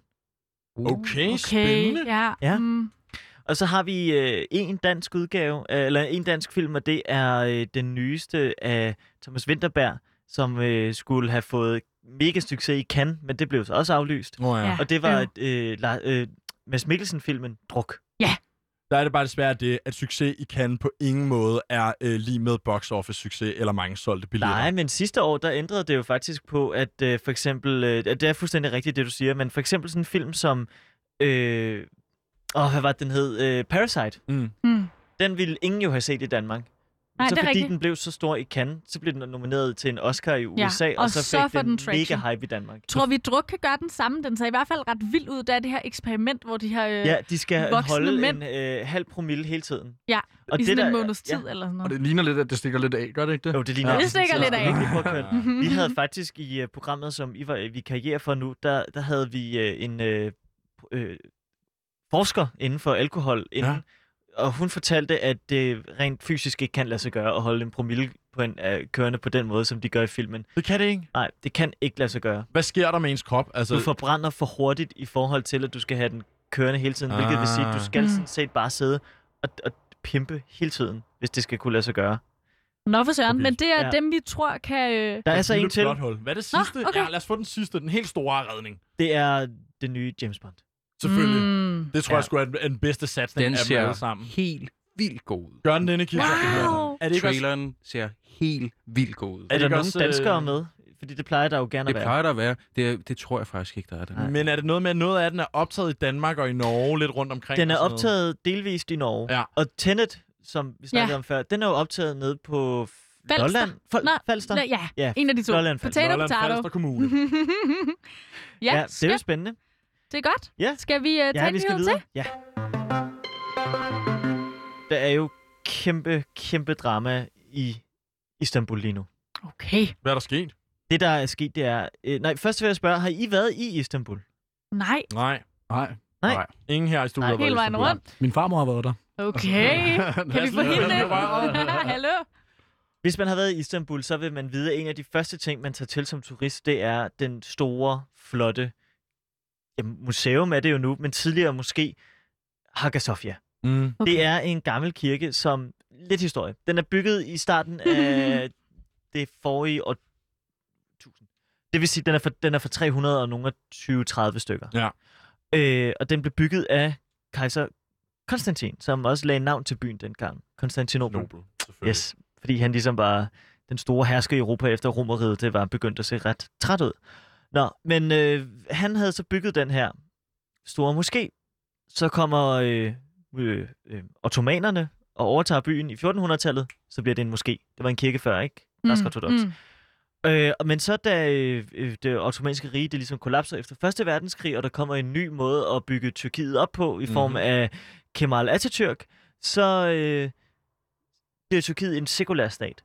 Hvilket vil sige, at øh, kirke og stat, eller musli, øh, moské og stat, skal adskilles. Mm. Og øh, derfor så siger man så også, at Hagia Sophia, som er den flotteste moské i hele landet, den skal være en, et museum, fordi der er så mange kulturhistoriske ting omkring Tyrkiets historie i den her moské, som ikke kun er øh, har noget at gøre med islam. Blandt andet så er der jo også de her runer, som øh, øh, nordiske vikinger har øh, indgraveret der. Fordi de var Ah. vagter. Var det ikke noget med, at de skrev, Halfdan var her? Jo, lige præcis, ja. Men det synes jeg er en god idé, det der med, når man ligesom går fra en uh, religiøs stat til en uh, sekularistisk stat, ligesom at sige, nå, men så tager vi vores store religiøse monumenter og på en eller anden måde laver dem om til nogle museer. Ja, og noget for alle. Præcis. pludselig, Og der rammer du så hovedet på sømmet, Lukas, fordi øh, Atatürk, Ja. nej undskyld, Erdogan, Kommer også til magten. han er jo så den store leder nu. Og han øh, synes, at det er et stort problem, at øh, noget af det fornemmeste, man har i Tyrkiet, nemlig Hagia Sophia, at det ikke skal få lov til at være det, som det var tiltænkt, nemlig en moské. Ja. Så derfor så har han sat det til øh, afstemning i øh, Tyrkiet, eller ja, i Istanbul, om at man skal vurdere om, hvorvidt at øh, den skal tilbage igen. Det er en lokal afstemning, så han kan ikke gøre det selv. Men han har været ude og sige meget klart og tydeligt, at han synes, at den skulle være en aktiv moské igen. Og den deler vandene. Den, der er dem, der ligesom siger, det er noget pjat, det er et museum, det er, vi vil gerne have den her opdeling af stat og moské, og så er der dem, der siger, prøv at høre, det er vejen moské, vi er et muslimsk land, det er mærkeligt, at der står sådan en flot gammel moské, som ikke Mm. bliver brugt til, øh, som man kan udøve sin tro i. Og så har vi balladen. Det Og så lyder, har vi balladen, det ja. lyder lidt som et af de skridt, man tager, når man er i gang med at forsøge at sammensmelte religion og stat igen. Lige Så præcis. et af de Mm. første ting, man gør, det er, at man tager sine kulturinstitutioner, og så gør dem religiøse, ikke? Han er jo også meget inspireret af osmanerne, øh, Erdogan. Ja, Ja. ja, lige præcis. Øh, og det er jo også altså noget, som for øh, de, de, de fleste store lande i... Øh, altså USA har også været ude at sige, det kan du simpelthen ikke tillade dig. Mm. Og grækerne har været ude at sige, at det er et... Øh, og, de, og de har jo så også en, en beef, Grækenland og, øh, Det har de jo selvfølgelig. og, og Tyrkiet sagt, det kan det ikke lade sig gøre. Nej. Men det var altså det, jeg havde med. Sikke nogle spændende nyheder. Tak for det, Frederik.